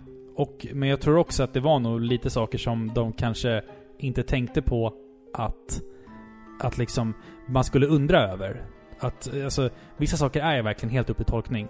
Men jag tror inte att de räknade med att det skulle bli att folk skulle sitta och analysera eh, översättningarna från spelet. För som jag har förstått det så är det lite så att översättningen från japanska till engelska är inte riktigt helt hundra på alla ställen. Eh, och jag tror att det är liksom sådana små saker som gör att spelet ändå är så kontroversiellt hyllat som det är. Ja, för att jag tror också det. oftast, alltså om du pratar med någon som gillar Final Fantasy då är det ofta så här, Final Fantasy 8, jag hatar det. Eller jag älskar det. Um, och jag tror att det handlar lite om också vad man har för nostalgiska glasögon på sig liksom. Jo, men visst är det det. En sak som jag tycker om med det här spelet, jag hoppas att det här var liksom en tanke som de hade. Det är att spelet handlar ju lite om eh, att, att bryta en cirkel. Du och mm. jag pratade om det här förut. Jag menar, temat är ju liksom kärlek, svår tonårsproblematik. Eh, som tvingas slå rot mitt i ett krig med en eh, hemsk framtidshäxa. Alltså, mm. Men det handlar ju lika mycket om att bli vuxen. Exakt. Som att bryta cirkeln som kommer att fortsätta i all evighet. Och det, det här känns ju lite som ett eh, bekant tema i mm. Final Fantasy-spelen. Så det, det är ändå en återkommande grej. Mm. Och det känns genomtänkt. Tycker det tycker jag. jag. absolut. Och det kanske man inte tänker på när man spelar det, men det, just de elementen är ju väldigt bekanta och de liksom strålar Final Fantasy-anda. Mm. Och det uppskattar jag väldigt mycket. Ja, alltså det här spelet, det är exakt som du säger. Jag håller med dig, verkligen. Um, jag personligen har... jag har ju mina nostalgiglasögon på mig när jag säger att jag verkligen, verkligen uppskattar det här spelet. Jag nästan älskar det, måste jag säga. Jag tror att jag har på mig stora... Bara nästan. Jag tror att jag har stora glasögon på mig eh, när jag säger det. Jag tror nog inte att jag skulle tycka att det var så bra om jag aldrig hade spelat det förrän nu. Men... Ja, alltså det är svårt att förklara liksom. Det, det, det är liksom en underliggande liten hatkärlek till det också samtidigt. För att det är ett svårt spel att sätta sig in i. Det är otroligt segt i början. Och jag tror att många ger upp liksom innan, innan de har spelat ens 10% av spelet.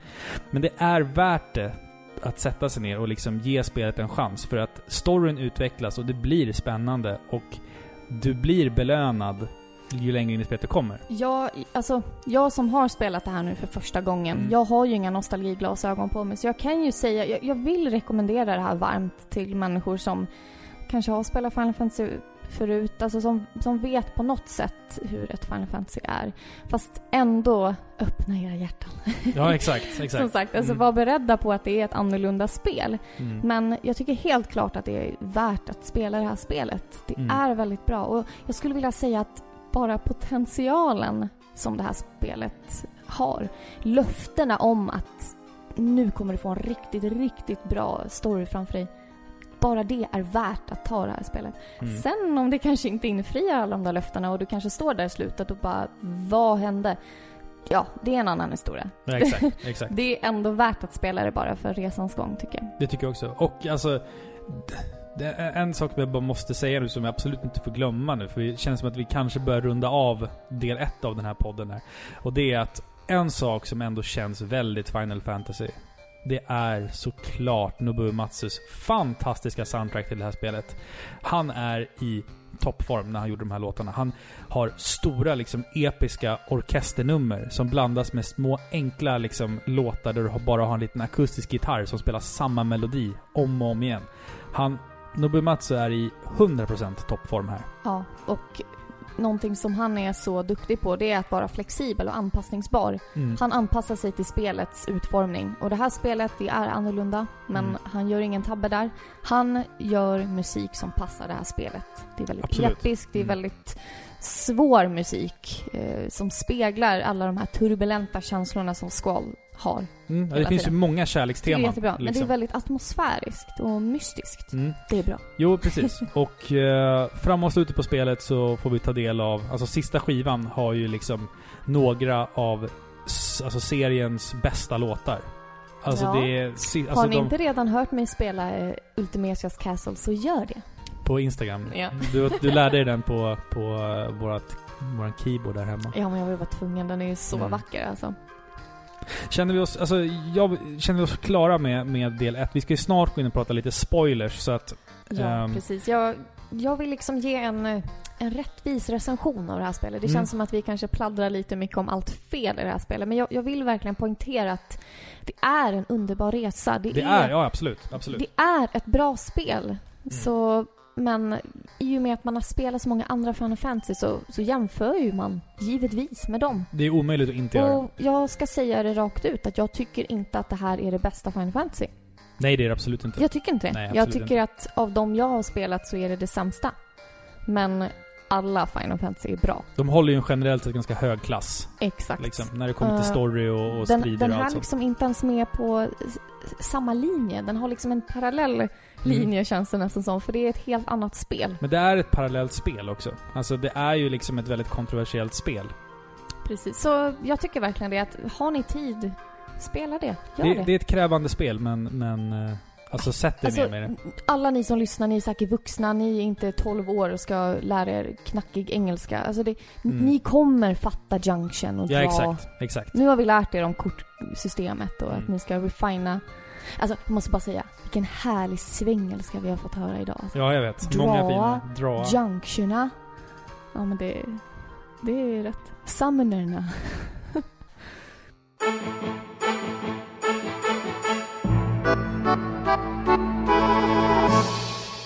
Men nu, innan vi går in och pratar spoilers, så har vi två kommentarer kvar. Och den första här är från Lenny Johansson. Han skriver Mitt första Final Fantasy jag spelade. Gillade det väldigt mycket då, men skulle nog inte våga spela det idag. Vill ju inte att mina fina minnen av detta spel ska förstöras. Kanske inte hade gillat det om jag hade börjat med något annat, med någon annan del i serien. Vem vet? Ja, och det, det, det här, han har liksom lite samma relation till mig till det här. Det är fina minnen och det kanske är värt att återuppliva de här minnena. Mm, Liksom. det tycker vi. Mm, absolut. Vi ska låta Dennis Ingvarsson avsluta del ett av eh, den här podden. Mm. Han säger att det är absolut ett hyggligt spel och ett dugligt hantverk. Tror inte jag uppskattade storyn lika mycket som hormonstinn tonåring som jag gör idag. Den känns mer vuxen med mycket fil- filosofiska inslag. Tyvärr inlindad i någon krystad huvudstory om rymdhäxor för framtiden. Kom igen. De nailade inte tempot lika bra som i sexan och sjuan. Men det finns mycket vid sidan om att göra och det är helt klart ett spel värt ett 60-tal timmar av din tid. Och om ni undrar vad han menar med rymdhäxor så ska vi faktiskt diskutera det nu. Precis. Eh, Men jag vill bara först och främst tack för kommentaren. Jag tycker att det här sammanfattade spelet ganska bra. Ja. Men om ni slutar lyssna här nu, om ni inte vill få det här spoilat, så tack så mycket för att ni lyssnade. Ni kan hitta oss på facebook.com paripixlar. Vi finns på Instagram, där heter vi paripixlar. Mm. Och på videospelsklubben.se. Precis, och där finns det en massa andra roliga poddar och videos och Allt Vi- möjligt. allt möjligt. Vi är ett Mm. härligt gäng. Mm. Ja, så ha det så gott och så ses vi om en eh, låt. Ja, nu ska vi lyssna på Ice On Me, som är då den, alltså en av de första liksom spellåtarna med eh, sång som gjorde bra ifrån sig utanför spelet. Vi kommer snart tillbaka, då ska vi prata en jäkla massa spoilers.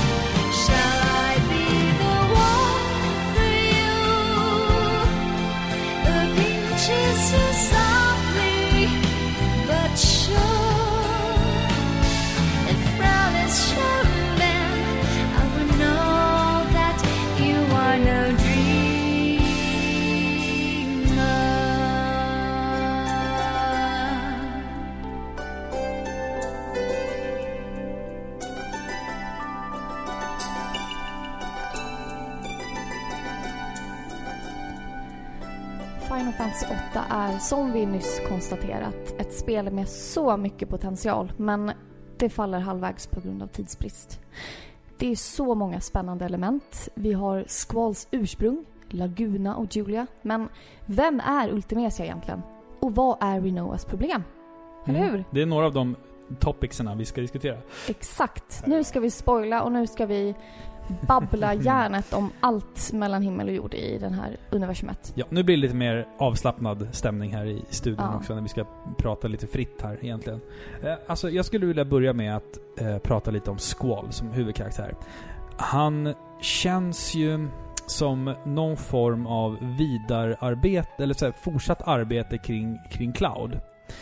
En- alltså han är liksom tillbakadragen och mystisk och liksom någonstans så kanske vissa tjejer uppfattar det som väldigt liksom så åh han är så spännande och mörk. Men fan, jag tycker att nu när jag är vuxen och spelar, när, när jag var liksom eh, ung och spelade spel, tyckte jag han var så jäkla cool för han var så här, äh men jag skiter väl i det där. Han var så ignorant, Jag behöver emo. inte bry mig om någon annan. Exakt. bla. Jag tyckte det var ascoolt. Liksom, ehm, och han har coola kläder och allt sådär. Men nu när jag sitter och spelar spelet, då tänker jag bara såhär, men väx upp för fan. Ta lite ansvar. Jag blir lite trött på honom ibland. Även fast jag älskar honom. Innerst inne, det gör jag. Jag tycker att han, han är fortfarande ascool. Liksom med sina kläder och halsband och gunblade och sådär. Han är, han är helt svartklädd och har liksom mörkt hår och sådär. Han ser cool ut liksom. Men det känns som att jag har vuxit upp och vuxit förbi honom. Jag kan liksom inte riktigt identifiera mig med honom på samma sätt som jag kunde när jag var ung. Nej, jag, jag håller med. Han är, han är ju skitcool liksom. Men Mm. det är så många saker han säger, som han gör, sättet han reagerar på. Det känns så... Åh, det är inte trovärdigt. Man bara, man bara stör sig på att han liksom inte kan ta sitt ansvar. Och ändå så verkar typ ingen annan se det. Ingen annan ser att han är typ en barnrumpa. Alla lägger ansvaret på honom. Ja, exakt. Trots att det är så tydligt utstrålat från honom att han inte ens vill vara där. Nej, han vill bara försvinna liksom. Han vill typ bara lägga sig i sängen. Hur många gånger i spelet ligger inte han och bara grunnar i sängen Ja, det, jag bara... älskar det. Jag, när, han, när, när han ligger i så här fosterställning, när det händer någonting i spelet och han... ehm, jag tror att det är efter eh, Renoa blir, ehm, blir attackerad av uh, Idea, alltså häxan där. Eh, när, han, när han liksom ligger i sin, i sin dorm, i sängen, i fosterställning och rullar runt så här bara What about Renoa? Where Ja. am I? What am I going... men- what am I to become? Man bara så här, kom igen för fan. Alltså det är ju så tydligt att alltså, utvecklarna ville liksom så här. åh nu ska vi fånga en, ett plågat eh, tonårssinne liksom. Så här. Exakt. Vi, man fattar ju det, men det blir lite krystat för att Mm. ingenting av han, alltså hans utveckling Mm. i storyn känns så svag. Mm. Man får ju lite backstory, eller man får ju backstory till vem han är. Ja, absolut. Eh, och man har ju typ någon förståelse för att han blev lite så här ensamvarg. Mm. Men sen att han helt plötsligt börjar ta ansvar, det blir lite för plötsligt liksom. Det går från Alltså, 0 till 100 direkt. Ja. Helt alltså- plötsligt så är han världsräddaren, liksom frälsaren och det är... ah, Och sen, sen en annan sak som jag också tycker är jättekonstig. Det är att kärleksrelationen mellan Squall och Renoa. Alltså hon visar ju tydligt vid dansscenen, redan i, tidigt i spelet, hon är väldigt intresserad av honom. Och han ignorerar henne. Och vilken tjej som helst tror jag skulle bara tröttna och bara okej men stick då. Men hon är på honom hela tiden såhär åh kul att du är här, typ såhär, jag har saknat dig. Och han bara fan låt mig vara typ. Men sen så Whatever. typ, sen Hela typ bara under en punkt i spelet, utan någon egentligen anledning så bara jag saknar hennes röst. Ah. Renoa, jag, jag Ah. måste höra henne prata. Jag bara, okej, var fan kom de där tjänsterna ifrån? Jag Alltså, vet. så här, det, är, det är inte trovärdigt. Det är Nej. så orealistiskt. Exakt, Man exakt. förstår sig inte på dem. Det är därför jag tycker att hela kärlekshistorien är väldigt... Det är ingen kärlekshistoria. Alltså, det det är Alltså, ju den- tråkigt. När de väl blir kära i varandra, båda två, då blir det ju en väldigt mysig kärlekshistoria. Men, men brytpunkten till att, till att kärleken blir ömsesidig känns så konstig bara. Det känns Ja. som man bara, okej, är- nu är du kär i henne, eller Alltså va? jag satt ju länge och väntade på den här omtalade pixelkyssen som man skulle få. Mm. Och bara... Gjorde de det? Eller ja, just de det. Ja. var det en kram? Eller? Vi pratar om scenen i rymdskeppet alltså. Ja, Mm. precis. De sitter ju i rymdskeppet efter att han har hovat in henne och de har dödat alla... Eh, de är ju på Ragnarök. Ja, Ragnar-skeppet ja. ja. Mm. Innan de tar det själva liksom. Mm. Så har de ju dödat alla fiender där. Så sitter de och väntar på att bli, komma ner på jorden då. Mm. Det är efter att hon har blivit besatt. av- Renoa blir besatt Ja. av, ja exakt. Eh, och hon är lite så här fragil och rädd och hon sitter i hans knä. Och då omfamnar de varann Mm. på något sätt. Och, och det var så var det en kyss eller? Ja, det där hade jag velat se en cutscene på, för att det där kan liksom inte riktigt, det görs liksom inte riktigt rättvisa i den där cockpiten. Nej. För att det är så romantiskt, det är romantisk musik och allting, men så här, Ja, fast han är ju inte romantisk. Han ber henne typ att sätt dig där borta. typ. Ja, Förlåt. Nej men han bara sitter och kommenterar på att det är jobbigt att hon sitter i hans knä. exakt. Ja, Mm. det är väldigt konstigt. Men jag tycker att det är liksom så här, men som jag, som jag sa, jag tycker att när han väl får upp sina ögon för Renoa, alltså att det blir en väldigt mysig kärlekshistoria framåt liksom skiva 3 och 4, då blir det ett mysigt, en liten love story med jättemysig musik och liksom Alltså så sprudlande känslor och man känner igen sig väldigt mycket i hur det är att vara kär när man är ung. Jag hade ju hellre sett att han blev kär i Quizis. Ja men Quistis är hans lärare, fast Quistis är kär i honom ju. Ja. Det är det, är lite... ju, det är ju lite konstigt så här. Man inleder spelet, hon är en självklar auktoritet, Ja. myndighet. Hon är lärare som ska lära, lära honom liksom. Sexig lärare. Sexig lärare Ja. med piska. Ja exakt, Ja. och han bara, han bara nej fuck that shit. Ja. Jag tänker inte det. Och sen helt plötsligt, jag sa ju till dig, jag bara, jag lovar hon är kär i honom. Ja.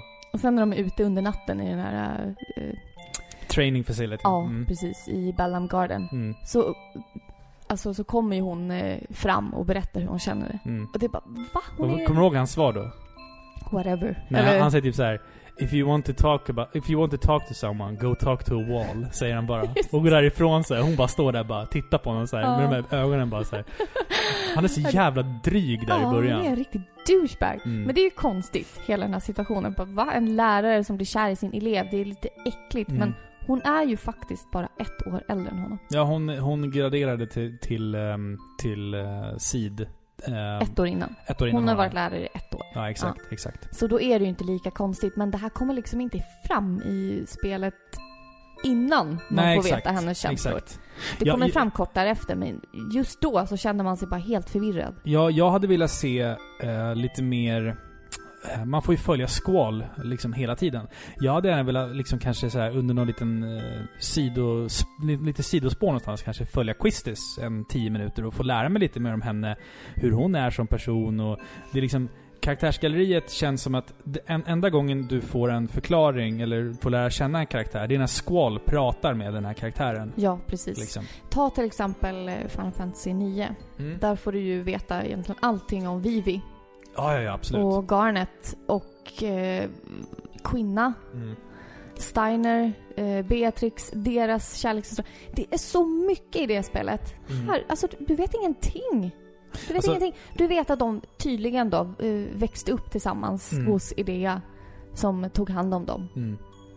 Jaha, och det har de glömt. Alltså hela den... Det, det elementet känns väldigt konstlat. Jag har väldigt svårt att köpa det. Mm. Eller jag måste exakt. ju det. det. Det var så det var men alltså... Ja. Det, nej, jag tycker inte det är så bra. Och sen att de liksom bara glömt bort varandra. För ja, att, för och så skyller de på att de använder GF. det förklaras liksom med att när du använder GF så, så inte, du blir inte, du tappar inte minne utan det är minnen i ditt huvud som blockeras. Som du sen kan då låsa upp igen genom att komma in på rätt tankebana och sådär. Utan minnena liksom raderas inte ur ditt huvud. Ja, Ehm, okej. Jag satt och läste lite om det här Mm. nu innan vi spelade in här. Och eh, det är också lite så här krystat för de har liksom gått på samma dagis alla de här kidsen. Ja, och så Ehm, säger de det en gång. Ja precis, och då kommer Jaha, alla ihåg det, är, det är säkert bara för att vi använder GF. Okej. Och, och, precis, och det kommer aldrig tillbaka igen. Eller, det har aldrig nämnts innan eller efter. Var det förklaringen eller var det... Ja, exakt. Man det bara är säger så mycket plot holes. ja. Vi, vi kan ju inte ha det här spoiler-delen om vi inte nämner Laguna. Laguna är fantastisk karaktär. Jag älskar Laguna. Ja, han är skitball. Han känns som tagen 80-talet. Han, han skulle kunna vara med typ i en Mel Gibson-film så här, med Ja. hockeyfrilla och Mm. grejliga byxor. Han, han liksom. har lite så här ehm, Eddie Murphy-komik över sig. Han är så lite fumlig, eh, lite dum och rolig Ja. samtidigt. Jo, så Fast är ändå ganska smart och skarp liksom i huvudet. Alltså, jag tycker att den här historien om Laguna, mm, han är ju från Galbadia, det är ju liksom så fiendenationen. mm, Eh, han förälskar sig i Julia, den här pianisten. Alltså det började så bra. Och Mm. den här implementeras i storyn ganska tidigt och du, du känner liksom från början att det här kommer bli så bra. det är en side Vem- story liksom. Det är en side story. Och det är så spännande. Är det ett parallellt universum? Är det dåtid? Är det nutid? Är, är det framtid? Vem är han? Mm. Vem är Julia? Och det är ju så spännande. Men tyvärr så fick man inte alla svar. Men vi kan ju säga för den som inte har fattat att Laguna är ju troligtvis då Squalls pappa. Ja, exakt. Exakt. Det är ju ganska uppenbart. Som han fick med, inte Julia, utan Rain. Ja, exakt.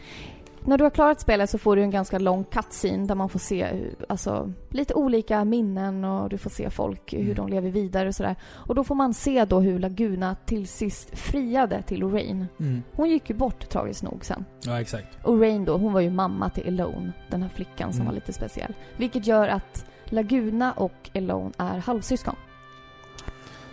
Nej, Ja. Laguna... Eh, Nej! Eh, ja, precis. nu blandar du ihop dina kort här. Nej, det är, eh, vad heter det, Alone och Squall är halvsyskon. Ja, det var ju så jag menade exakt. såklart. Är de inte helsyskon? Nej, eftersom eh, Laguna är ju inte pappa till eh, Elone. Nej, just det. Nej, just det. För Alone fanns ju redan i bilden. kom, ja. När han, Ja, när precis. han eh, precis. Ja, Men- just det. Fine, det här... Det, det, det kan man godta, att Mm. eh, han är Squalls pappa. Men det här gör ju att relationen med Julia blir så onödig. Ja. Och rent av konstig. För man får ju även veta när man är i Galbadia och möter Renoa och hennes pappa, Mm. General Caraway, att han är gift med en kvinna som heter Julia. ja, exakt. Julia Han var är... gift med en kvinna som hette Julia. Ja, hon är Mm. död av någon anledning, Mm. eller borta ur bilden. Av någon anledning. Ytterligare plot hole. Men Julia är Renoas mamma. Ja, Mm. exakt. Så Squalls pappa och Mm. Renoas mamma Mm. hade ihop det Ja. för 18 år sedan. Mm.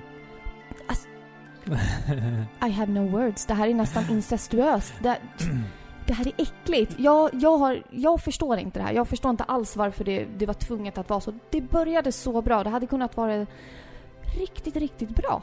Jag har en teori kring det där, faktiskt.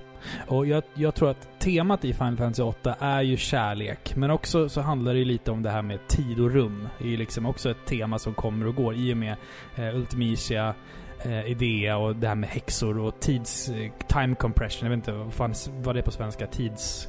Ja, Jaha. ja, man sätter ihop olika tider. Jag, jag tror att det var meningen att någon ifrån Lagunas bloodline skulle träffa någon ifrån Renoas bloodline, om du säger så. De två familjerna var menade för varandra.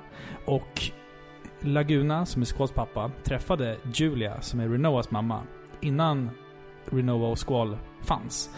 Och de försökte ju få ihop det, men det gick inte av massa olika anledningar. Så att det blev upp till deras barn att istället senare träffas och liksom bilda en...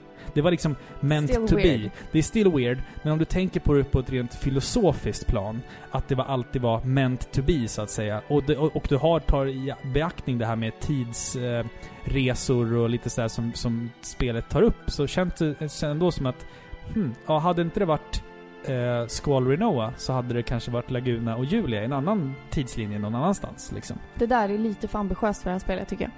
Det, Ja, det var, du, det var, du, du broderade ut det väldigt fint där Mm. och jag hade velat att det var mer så men med tanke på hur konstlad Renova och Squalls kärleks, påstådda kärlekshistoria Mm. är så tycker jag inte, jag håller inte med. Det, det här är bara det här är bara för japanskt för mig. Jag, Jag kan hålla med om att det låter väldigt alltså farfetched, men det är det enda som liksom jag kan tänka mig när jag liksom analyserar ja, själva... det, det är mycket möjligt att det var så det var tänkt. Mm. Men då säger jag att det är väldigt dåligt utfört. Ja exakt, det är inte tydligt. Liksom. Och sen just det där med att Laguna faktiskt är Squalls pappa. Mm. Det hade jag velat ha lite mer svart på vitt. Closure, menar- en kram det- kanske. Eller någonting. hur? Mm. Det enda som ger dig någon form av ledtråd till det, det är att du av en händelse, alltså när du spelar som Squall, Mm. frågar Kiros eller Ward. Ward. Mm.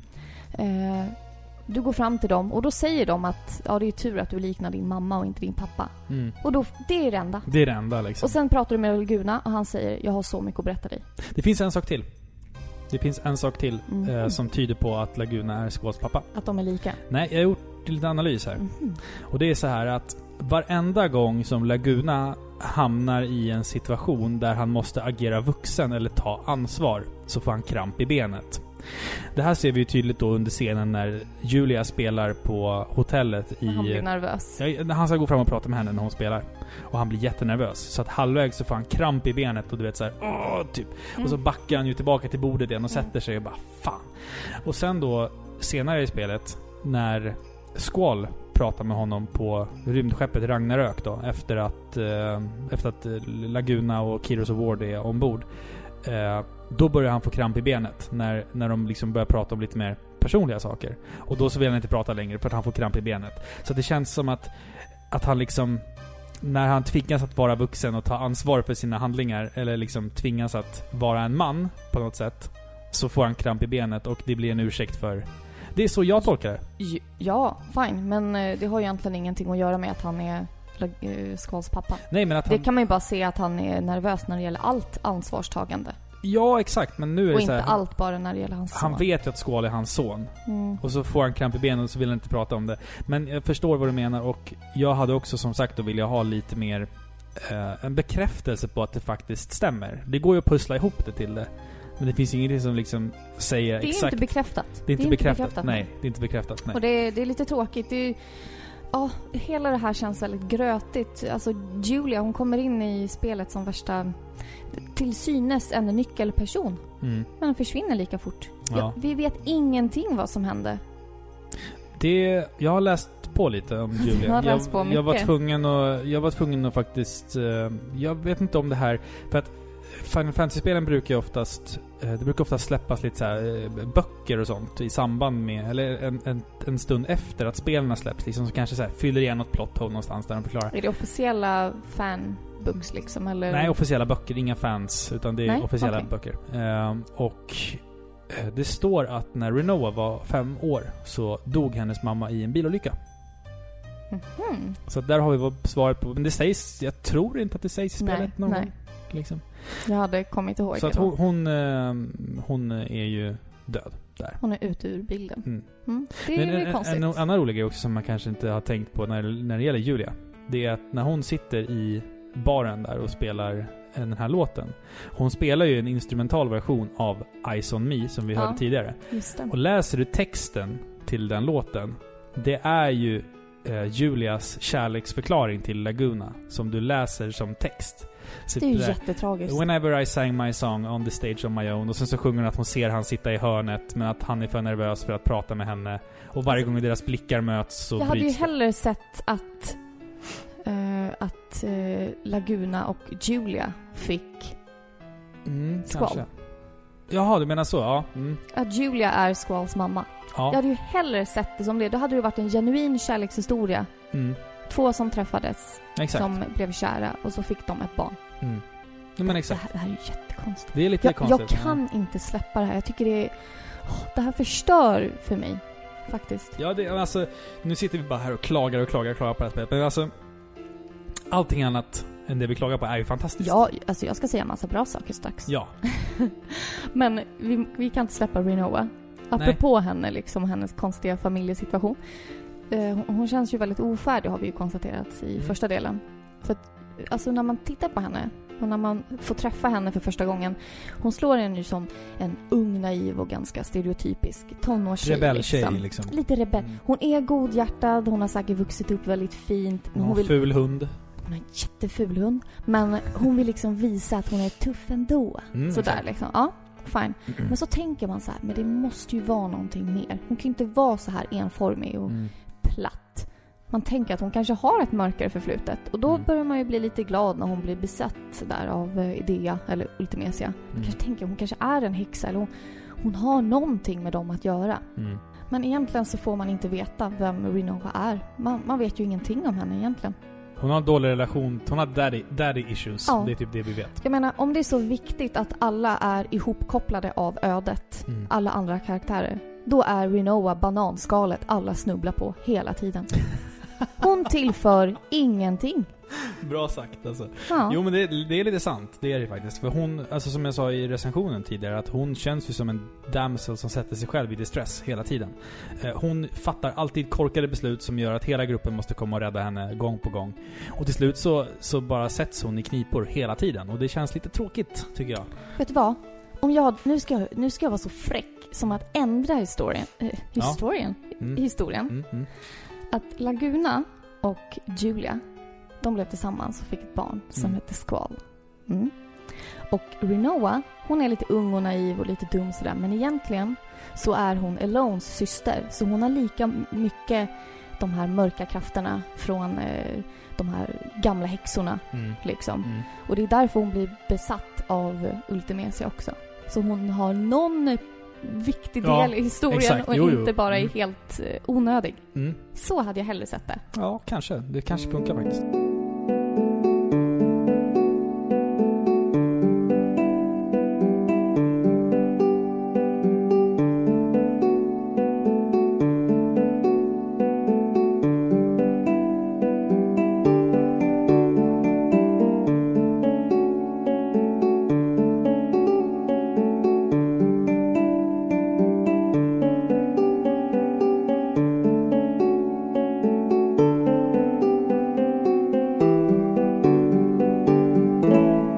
Squall och Renoa så har vi ju en hel del andra karaktärer också. Vi har ju Selfie, Irvin, Cell, ehm, Quistis har vi. Mm. Och sen Cypher också som kommer och går lite som man vill. Liksom. Ja, han är också lite Eh, udda. Jag, jag gillar Cypher. Han, han ser ut som en... Han är en ehm, bully. han ser ut som Kiefer Sutherland i The Lost Boys. Ja.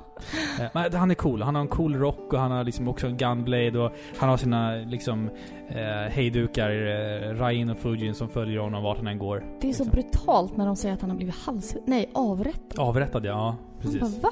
Och det är då det förklaras också att Renoa tidigare var kär. Alternativt till och med hade alltså ett förhållande med eh, Cypher. Exakt, det hade man ju också velat höra lite mer om. Ja, det är också så här, det är lite tråkigt för det är så här, okej, men hur länge var de ihop? När var Ja. de ihop? Och hon bara, Det "Ah, visar ju en annan historia, eller en, en annan sida av Cypher som man inte känner till. en annan sida av Renoa också. Ja, För att Reno, alltså Squall och Cypher är ju, hon blir kär i Squall fast Squall och Cypher är helt olika. Så jag förstår liksom inte, vad har hon för smak när det kommer till killar egentligen? nej, jag vet inte. Bara en massa problembarn. Nej, precis. Mm. Jag tycker om eh, Irving. Ja, han är cool. Han är ju faktiskt väldigt rolig och han känns nästan som den alltså, mest eh, genomtänkta figuren. Mm. Den mest intressanta.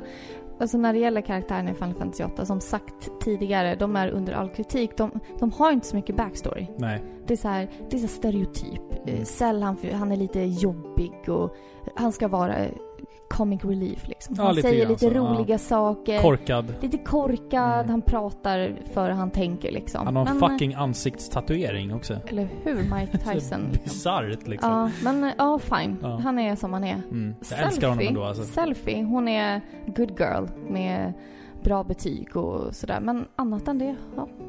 Vem är hon? Mm. Man får reda på vart hon kommer ifrån och sådär. ja, men fine, men det säger ju ingenting. hon utvecklas aldrig. Nej. Liksom. Inte Cell heller. Han gör liksom ingen vidare de de utveckling. reflekterar inte ens över allt som händer runt omkring dem. De, Nej, bara, exakt. de bara köper allt med hull och hår. Bara, ja, Mm. så här är det. Ja, men, Det är som- därför Irving känns rolig. Ja, För han, att han slår en först. Först tänker man att han är den här skarpa eh, sniperkillen. mm, Eh, han är svinduktig, han är självsäker, imponerar på tjejerna. han imponerar på ja. tjejerna, han, är, han har en cowboyhatt och Ja, han, han är cool alltså. badass Mm. liksom. Men sen visar det sig att han är ju ganska osäker och han klarar inte alls av att skjuta människor. Men han, när han ska... när det gäller så får han sån press på sig så han, eh, han klarar inte av det helt det enkelt. när han ska eh, mörda Idea Ja, i, under precis. paraden i Dalling City. Ja, Mm. Men vänta, nu slog det mig en sak. Mhm. Nu slog det mig. Mm. Det är inte för att han alltså inte klarar trycket. Utan det är ju för att han har ju minnet kvar. Han kommer ju ihåg vem Idea är. Men tror du att det är så? Tror du att han minns redan så tidigt alltså? Kanske. Det kan vara så. Det, Det har jag kan aldrig tänkt så. på det så. Det här är ytterligare en sån här grej som man bara, var det medvetet av utvecklarna Mm. eller är det bara upp till fundering? För han säger ju att Ja. han, han missar ju aldrig sitt target. Ja. Men eh, just när, när de ska skjuta Idea där under Ja. paraden så fryser han och Mm. han blir helt så skakig och bara jag kan inte göra det här liksom. Det här är så typiskt Final Fantasy 8. Hade Mm. de gett lite mer så här, ja, det var så det var tänkt, då hade man ju bara, Ja, vad Vad- coolt vad liksom. bra Ja, en de twist sådär. en twist som de har lagt in från början, långt, alltså ganska tidigt i spelet och ja, så förklaras det långt, långt senare. Nej, Ja, precis. ingenting. Apropå just Delling City och så här städerna och sånt. En sak som jag tycker känns eh, lite tråkig i spelet också. Jag ser som att jag bara sitter och klagar. eh, men i alla fall det är att oftast, alltså det här spelet är ju, du, det är väldigt få tillfällen där storyn tvingar dig tillbaka till platser där du redan har varit. Du har ju Balam Garden, den är liksom som din hubb och sen så blir den ju ditt skepp som du åker runt med och sådär. Men du, det är väldigt sällan du besöker en plats mer än en gång. Liksom, Ja. du, du börjar ju på Balamb och sen så, så tar du dig över till, till Dollet och besöker Galbadia-regionen. Eh, och sen liksom ner mot ehm, typ Ideas eh, hus och allt det där. Sen så tar du till S-Star och där är ju slutet liksom. Ja. Du, och, sen så kan du få Ragnarök och åka runt vart du vill och ta lite Ja, sidequests jä- och sånt. det med Final Fantasy 7. Final Fantasy 7 så har du liksom, du, eh, till exempel så Midgard är du ju både i början och i slutet av spelet. Eh, Du måste ju återvända till Nibelheim, både i eh, verkligheten och Flashback. Rocket Town åker du tillbaka till eh, när du ska åka upp i rymden och sen ska hämta Tiny Ja. Bronco och allt det där. Man får en relation med platserna och, och världskartan känns familjär. Ja, exakt. Den är bekant, du vet, du känner till världen. Ja, exakt. Du har exakt. varit överallt, du har hittat alla hemligheter. Det här finns det typ inga hemligheter. Det finns en ö som vi var i. A Deep Research Lab. Ja, Mm, exakt. det är väl typ det Alltså enda. nej, du kan ju åka till den här staden där eh, Laguna bor. Eh, Winhill kan du åka till också. Den finns ju där. Och eh, Shumi Village också. Ja, just som det. är- Som var jättekonstigt och Men onödigt. de, de, typ. de där platserna ger inte så mycket. Det är lite så här story och lite så här, Fast det är ju typ ingen story. Vi får Nej. veta lite om Laguna, men det är också så här Det är så väldigt lite information. taget ur ingenting som man undrar, jaha, när, när utspelar sig det här? Var Ja, det exakt. innan eller efter? Mm. Ja, exakt. Och Lagunas, hela Lagunas story, de, det sa vi inte, men den är ganska eh, okronologisk hela tiden. Man vet aldrig liksom vart i tiden, det är ju medvetet såklart, men man vet aldrig vart i tiden det här utspelar sig liksom. Nej. Ena stunden är han en soldat och andra stunden tar han hand om en liten flicka. Ja, och sen eh, blir han typ en Skådespelare. skådespelare det är, och fan, han är, det är roligt är i. Shumi Village och typ blir deras gud. Ja, exakt. Mm. Ja. Men det, det är rätt kul. Men jag bara, jag bara gjorde den analysen just att man... Eh, och sen så finns det många platser också där de liksom verkligen bara drar ut på tiden. Typ som Desert Prison. Det är en plats som är... Du befinner dig där ganska lång tid. Det tar ganska lång tid att klara det stället liksom. Men... Alltså timmarna du spenderar där, du ska gå upp och ner för de här jäkla trapporna. Det är liksom lite bökigt. När de liksom ändå... När man, när man typ kommer till slutet till Altemishas Castle och man ser ändå att det fanns ju så mycket kreativitet. Det här slottet är ju verkligen så jäkla coolt. Och Deep Research Facility är också skithäftigt liksom. Men sen så bara... Det känns som att de blev liksom lite lata emellanåt. Som just Desert Prison, det är så här. Hopp, nu ska... När, när vi kom dit, då visste jag så här: okej, här kommer vi spendera typ fyra timmar av spelet.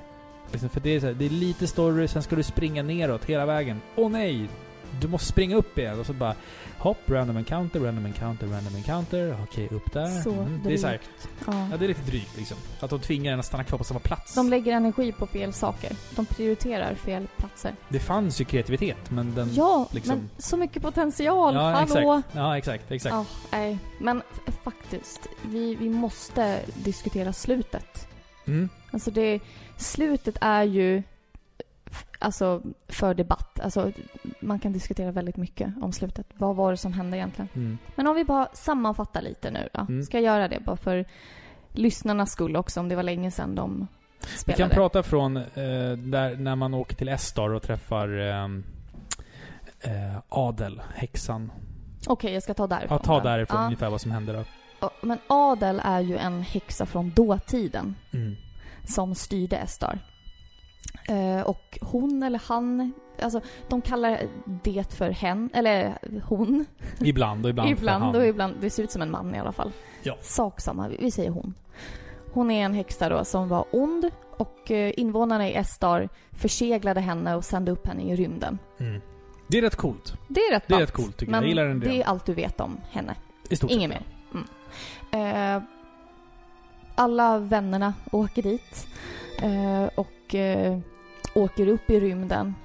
Det, det är coolt som fan tycker jag. Alltså. Ja, jag behöver inte ta allting som händer nej, där, nej, men, men, i korta drag i liksom. korta drag så är det ju Ultimecia, då den här häxan från framtiden, Mm.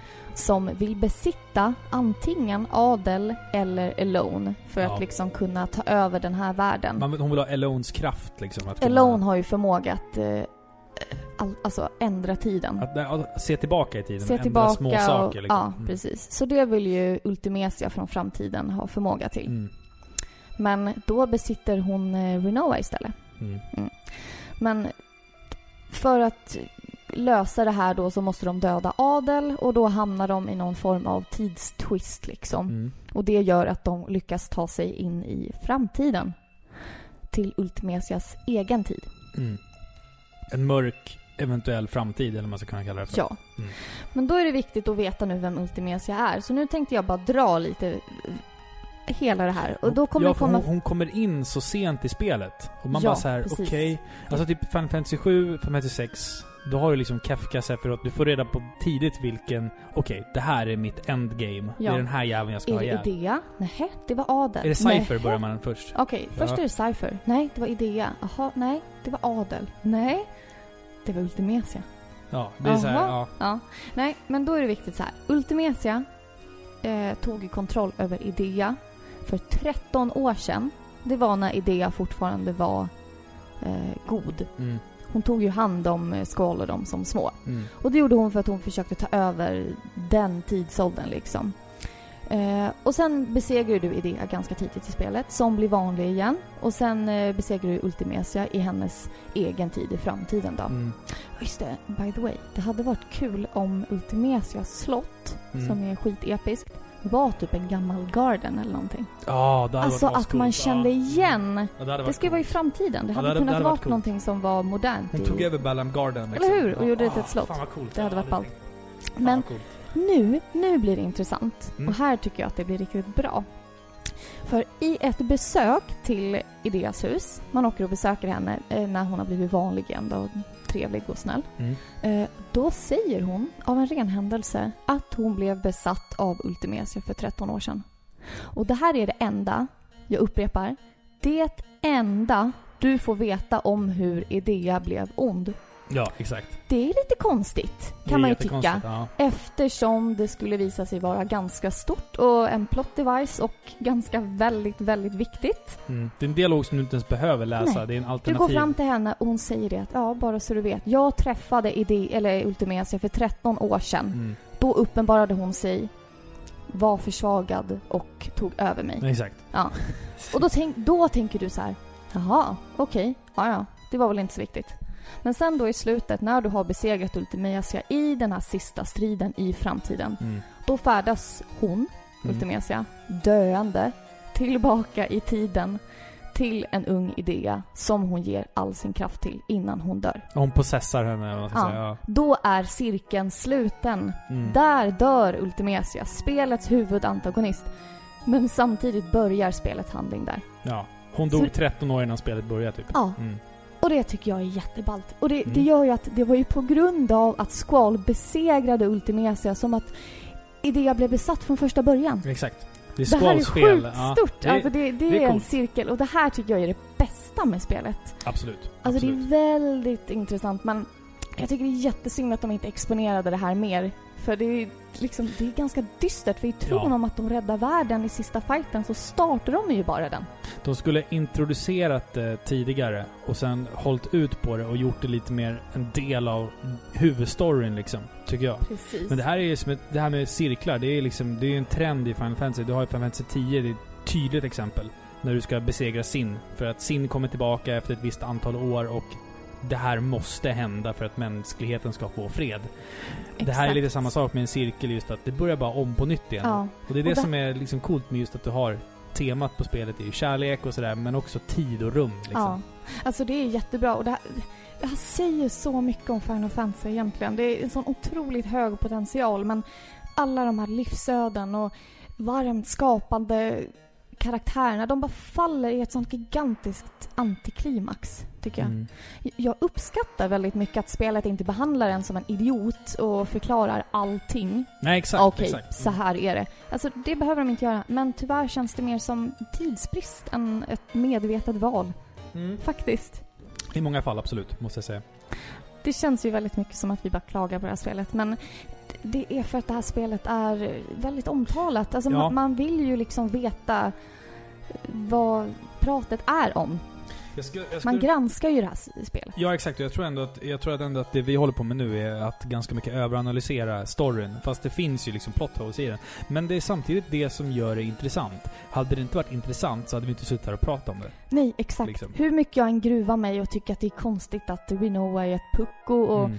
ja, du vet, så är jag ju enormt fascinerad av det här spelet. Mm.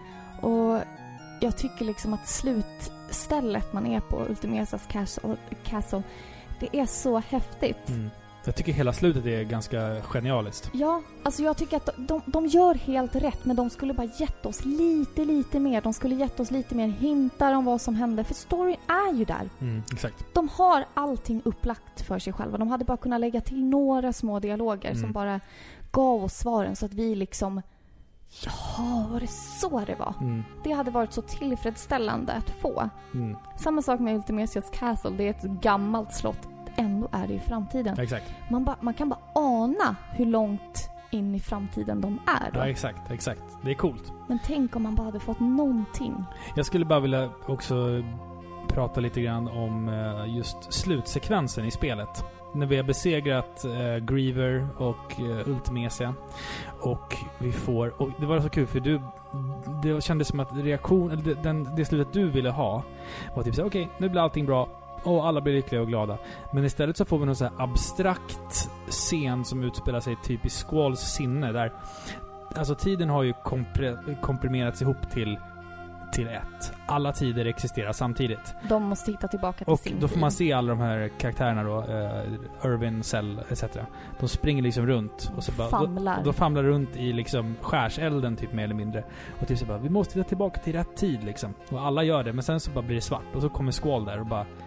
Jag vet inte vart jag ska gå någonstans. Mm. Och det är så här, och sen får man bara se att han går typ som... Det, det eh, byggs ju upp, eller det, vad ska man säga, målas ju upp som att han går i en stor öken liksom. Och himlen är så här mörkgrön. Han bara går och går och går i typ flera timmar. Sen kommer han bara till ett slut på vägen och det är bara så här. Det är liksom...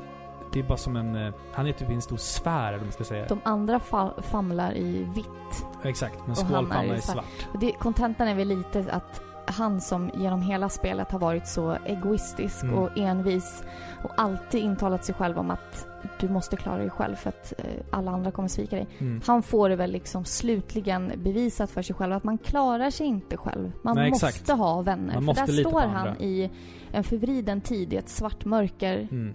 Kan mörker vara ljust? Skitsamma. Mm. Eh, I ett mörker och han hittar inte sin väg ut. Och då hör han Renoa liksom. Ja, exakt. Hon hittar honom. Ja, det tycker jag är fint. Jag tycker det är, Väldigt fint. det är väldigt, väldigt, väldigt, väldigt abstrakt. Mm, Det är, Ja, det är det- det är mysigt. Där Och sen- satte de huvudet på spiken. När hon hittar honom Och man, man märker också, man får se i hans tankar att hur han börjar glömma. Han börjar glömma bort hur Renoa ser ut. Och liksom allting bara börjar snurra. Alla händelser... Ja precis. Alla händelser i spelet spelas upp i hans huvud får man ju se. Och att han liksom, saker och ting så här byter form och färg och skepnad och hennes ansikte. Han kommer inte ihåg hennes ansikte liksom. Eh, och, och, och sen så bara sätter han sig ner och typ passes out, eller svimmar om man ska säga. Eller man vet inte om han dör. Sen så kommer Renoa gående på den där ängen och sen ser hon honom ligga där och så springer hon fram till honom och så börjar himlen bara öppnar sig så solen kommer och en miljon såna här blomblad bara flyger över och så bara blir hon Och jätteglad. det knyter an till inledningen. När Exakt. man ser eh, blommorna och sånt där. För de skulle liksom tänka på en plats där de har varit tillsammans då. Ja, För Exakt. att kunna återvända. det, det säger de ju innan slutet där att eh, om vi ska tappa bort varandra så ses vi här, Mm. på den här ängen. Och där ligger Skål och väntar på henne. För att han är... Det är jättebra. ja, Alltså exakt. det är så bra. Mm. Det är ett av de bästa sluten. Ja, jag tycker också att det är otroligt abstrakt. Eh, Det är Och- väldigt vuxet, men det är ju så man vill att eh, hela spelet ska andas. Ja, exakt. Exakt. Och det är också i och med slutscenen där som, som folk har börjat tolka det här med att Renoa... Att det finns en rätt så häftig teori kring det där och det är att Alltså den här är bara morbid. Alltså jag tycker vet. inte om den här det är konspirationsteorin. en fanteori. Ja, men jag är väldigt fascinerad av den. Och jag är glad. Jag accepterar den inte. Ska jag bara att, säga. Nej, precis. Och det är alltså... Square, i- Squaresoft själva har ju sagt att så här är inte fallet. Men det finns ju mycket som pekar på i, alltså att Renoa och Ultimecia är samma person hela tiden. Att det liksom bara, att de är bara en. Att Renoa är liksom en inkarnation av Ultimecia hela tiden. Att vad som än händer så kommer Renoa att bli en ond häxa. Det här gör bara att jag hatar Renoa ännu mer. Nu Jag ser jag bara henne som en psykotisk Om, om, subba. ja, exakt, men om, om du kollar bara, bara som en sån... Det finns massa... Man, man får kolla upp det här på YouTube eller på googla fram det här själv. Jag orkar inte sitta och dra hela harangen. Men bara det att karaktärsmodellerna på ansiktena så är Ultimecia och Renoa nästintill identiska. Alltså ansiktsform, näsa, ögon. De ser nästan likadana Ja, ut. fast jag tycker att ser du bara till ansikte Mm. så är Squall och Cypher väldigt, väldigt lika. Det är de också. Ja, Absolut. de har det här Tom Cruise eh, ihoptryckta pannan. Jo, titta. Tom Cruise, ja, det ja, är snyggt. de ser ut som det. Mm. Ja, och en spännande detalj är ju att eh, slutbossen, Ultimecia, Mm. hennes girlfriend, eller GF, GF Guard Force, ja. Det är ju heter Griever. samma sak som Squalls ring och halsband Halssmycke. som han ger till Renoa, vilket Ja. då skulle ha lett till att eh, Squall dog när han blir impalad av den här isgrejen i, på skiva 1. Ja, det måste du ju förklara. Ja, Squall blir, får ju den här istappen i, i hjärtat i då, skiva är, 1. då säger konspirationsteorin att han dog där. Och sen så blev Renoa eh, så pass ledsen och heartbroken att hon tog med sig ringen och halsbandet som en Och del ond. Som en del av sig själv och då skapade liksom en ny GF som heter Griever. Det är en ganska cool teori, men nej. den, den, den är ju dementerad. Såklart. Av Tetsuya Nomura och alla andra i alla andra kre- kreatörer bakom spelet det sista... Alltså det blir så svart om det skulle vara så. Ja, det blir ju det otroligt mörkt. Men det, det, Det är det, näst- är en cool teori. det är det är en cool nästan i höjd med mörkret över Totoro-teorin. Ja, Jesus Christ. Den är nästan Inte den värre. igen. Den, Den är nästan värre. värre. Den är Ja.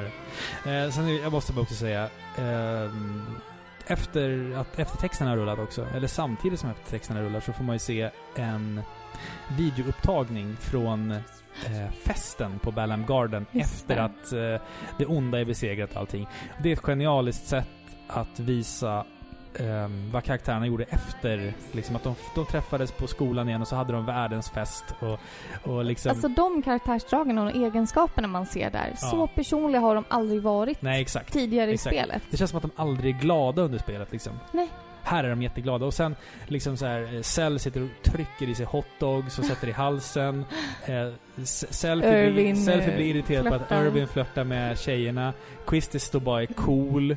Liksom, och Cypher, han är inte. Han, han är typ i Balamb och står och fiskar liksom.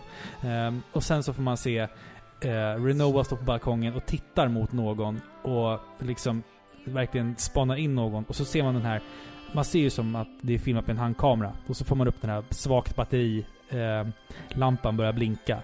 Och sen så bryts kameran. Sen får man se att Squall och Rinoa leendes möts på balkongen av Balam Garden. Ja, och inte ens en kyss Jo men det blir ju en kyss. Det ser man ju att det är en kyss. Men man får inte se det Nej, man får inte se det på nära håll men man får se det samtidigt som... Inzoomat vill jag ha det. Nej. Ja, och sen så får man se liksom att, att de kysser varandra i månskenet och Balam Garden seglar över haven. Och sen så bara slut. Och jag bara säger kolla jag, har gåshud bara jag tänker på det. Det är så, alltså, det finns Final Fantasy-slut som verkligen alltså, kan få mig att bli väldigt emotionell. Typ nian.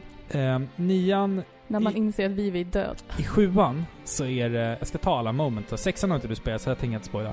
Eh, sjuan i slutet, nu ska jag spoila. Final Fantasy 7, 8, 9 och 10.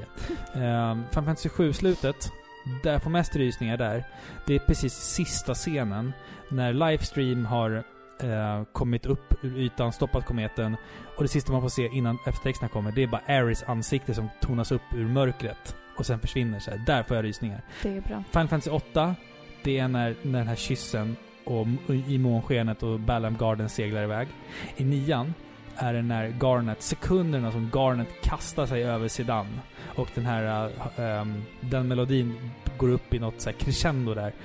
Eh, Och när man inser att Vivi är död. och man inser att vi, ja, vi är döda. Okej, ja, okej, ja. Men den scenen i alla fall. Och sen i tian är det eh, när, eh, när tar när farväl. Juna inser att Tidus måste lämna världen för att allting ska bli återställt. Och just när han, hon står och gråter eh, och sen så, så tittar de bara ut i horisonten och säger att säger I love you. Och han kan inte besvara det för att han är inte, han håller på att liksom tyna bort. Han håller på att försvinna från den världen. Det är bra. Och det är så här, du ser, alltså jag blir så här nästan tårögd av att prata om det för att det Alltså Final Fantasy-sluten brukar alltid naila det så hårt för mig. Alltså jag blir alltid så här så extremt berörd av sluten i de här spelen. Final Fantasy 13 gav mig inte ett skit i slutet. Men det här är verkligen så här, jag blir liksom tårögd bara jag pratar om det. Jag ser att du också börjar bli lite så här. För det, det är så, det är så här, Det är sent. det är, det är slutet på historien liksom. Nu är det slut. Nu har vi besegrat alla bossar och det är så här.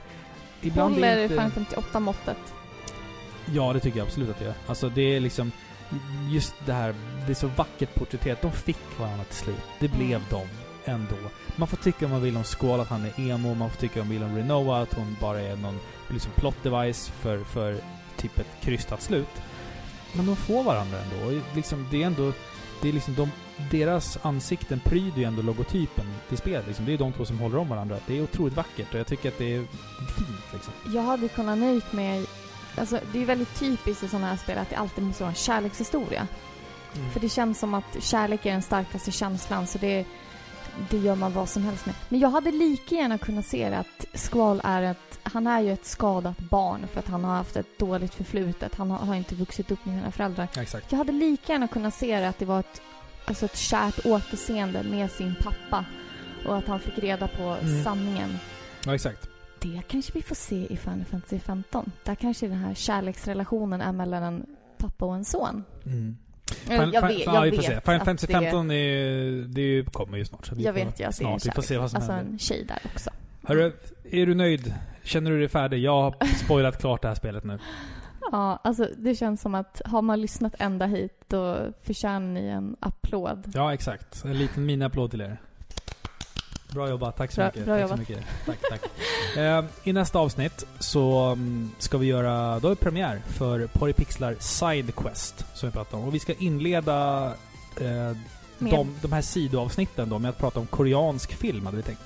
Det finns en hel del koreansk film som är så jävla bra, så vi måste prata om eh, Hemtrilogin. Precis. Eh, och nu massa får vi annat. äntligen, eller äntligen, men nu kommer vi även att diskutera våra andra ämnen som Ja, vi exakt. tycker om. Det ska bli jätteroligt. Jag ser så mycket fram emot det. Det ska bli jättekul. Och eh, sen så har vi också en, eh, ett, eh, Ett vanligt avsnitt vanligt avsnitt som kommer också. Vi, vi kommer spela Until Dawn till PS4. Ja, Så är det. Det så vi. vi har mycket att se fram emot nu här. precis. Eh, vi, Hoppas ni har tyckt om det här lite virriga avsnittet. Det, det blir ju lätt så när man väljer ett sånt invecklat spel. ja, exakt, Final Fantasy 8. exakt. Ni förstår hur det är. Ja, ni vet Ja. exakt hur det är. Och eh, tack som fan för att ni har lyssnat på Sveriges mest kärleksfulla tv-spelspodcast. Ja, tack själv. Ja. Nej. tack själv! Det var fint. Ett fint avslut. Hörni, vi hörs nästa gång. Ni får ha det så satans bra. Skriv, skriv till oss, kommentera och gilla och allt sånt där. Ni vet vad ni ska göra. Ni vet. Ja. Puss och kram. Puss och kram. Hej då.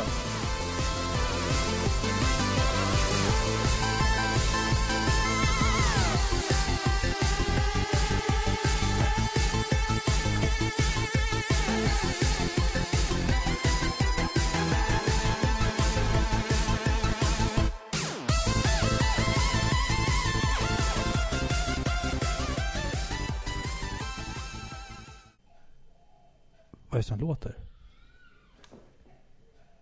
Det, shit vad rädd jag blev. Jag hörde bara att... Nej, det, det är barn här utanför på gatan som låter. Shit vad rädd jag blev. Men varför skriker han då? Jag vet inte. Shit vad rädd jag blev. Jag bara hörde, det lät som att det kom i lurarna. Men fy! Fy fan vad rädd jag blev. Fan, jag springer för jag trodde det var Dante. Nej, nej, nej. Dante sov.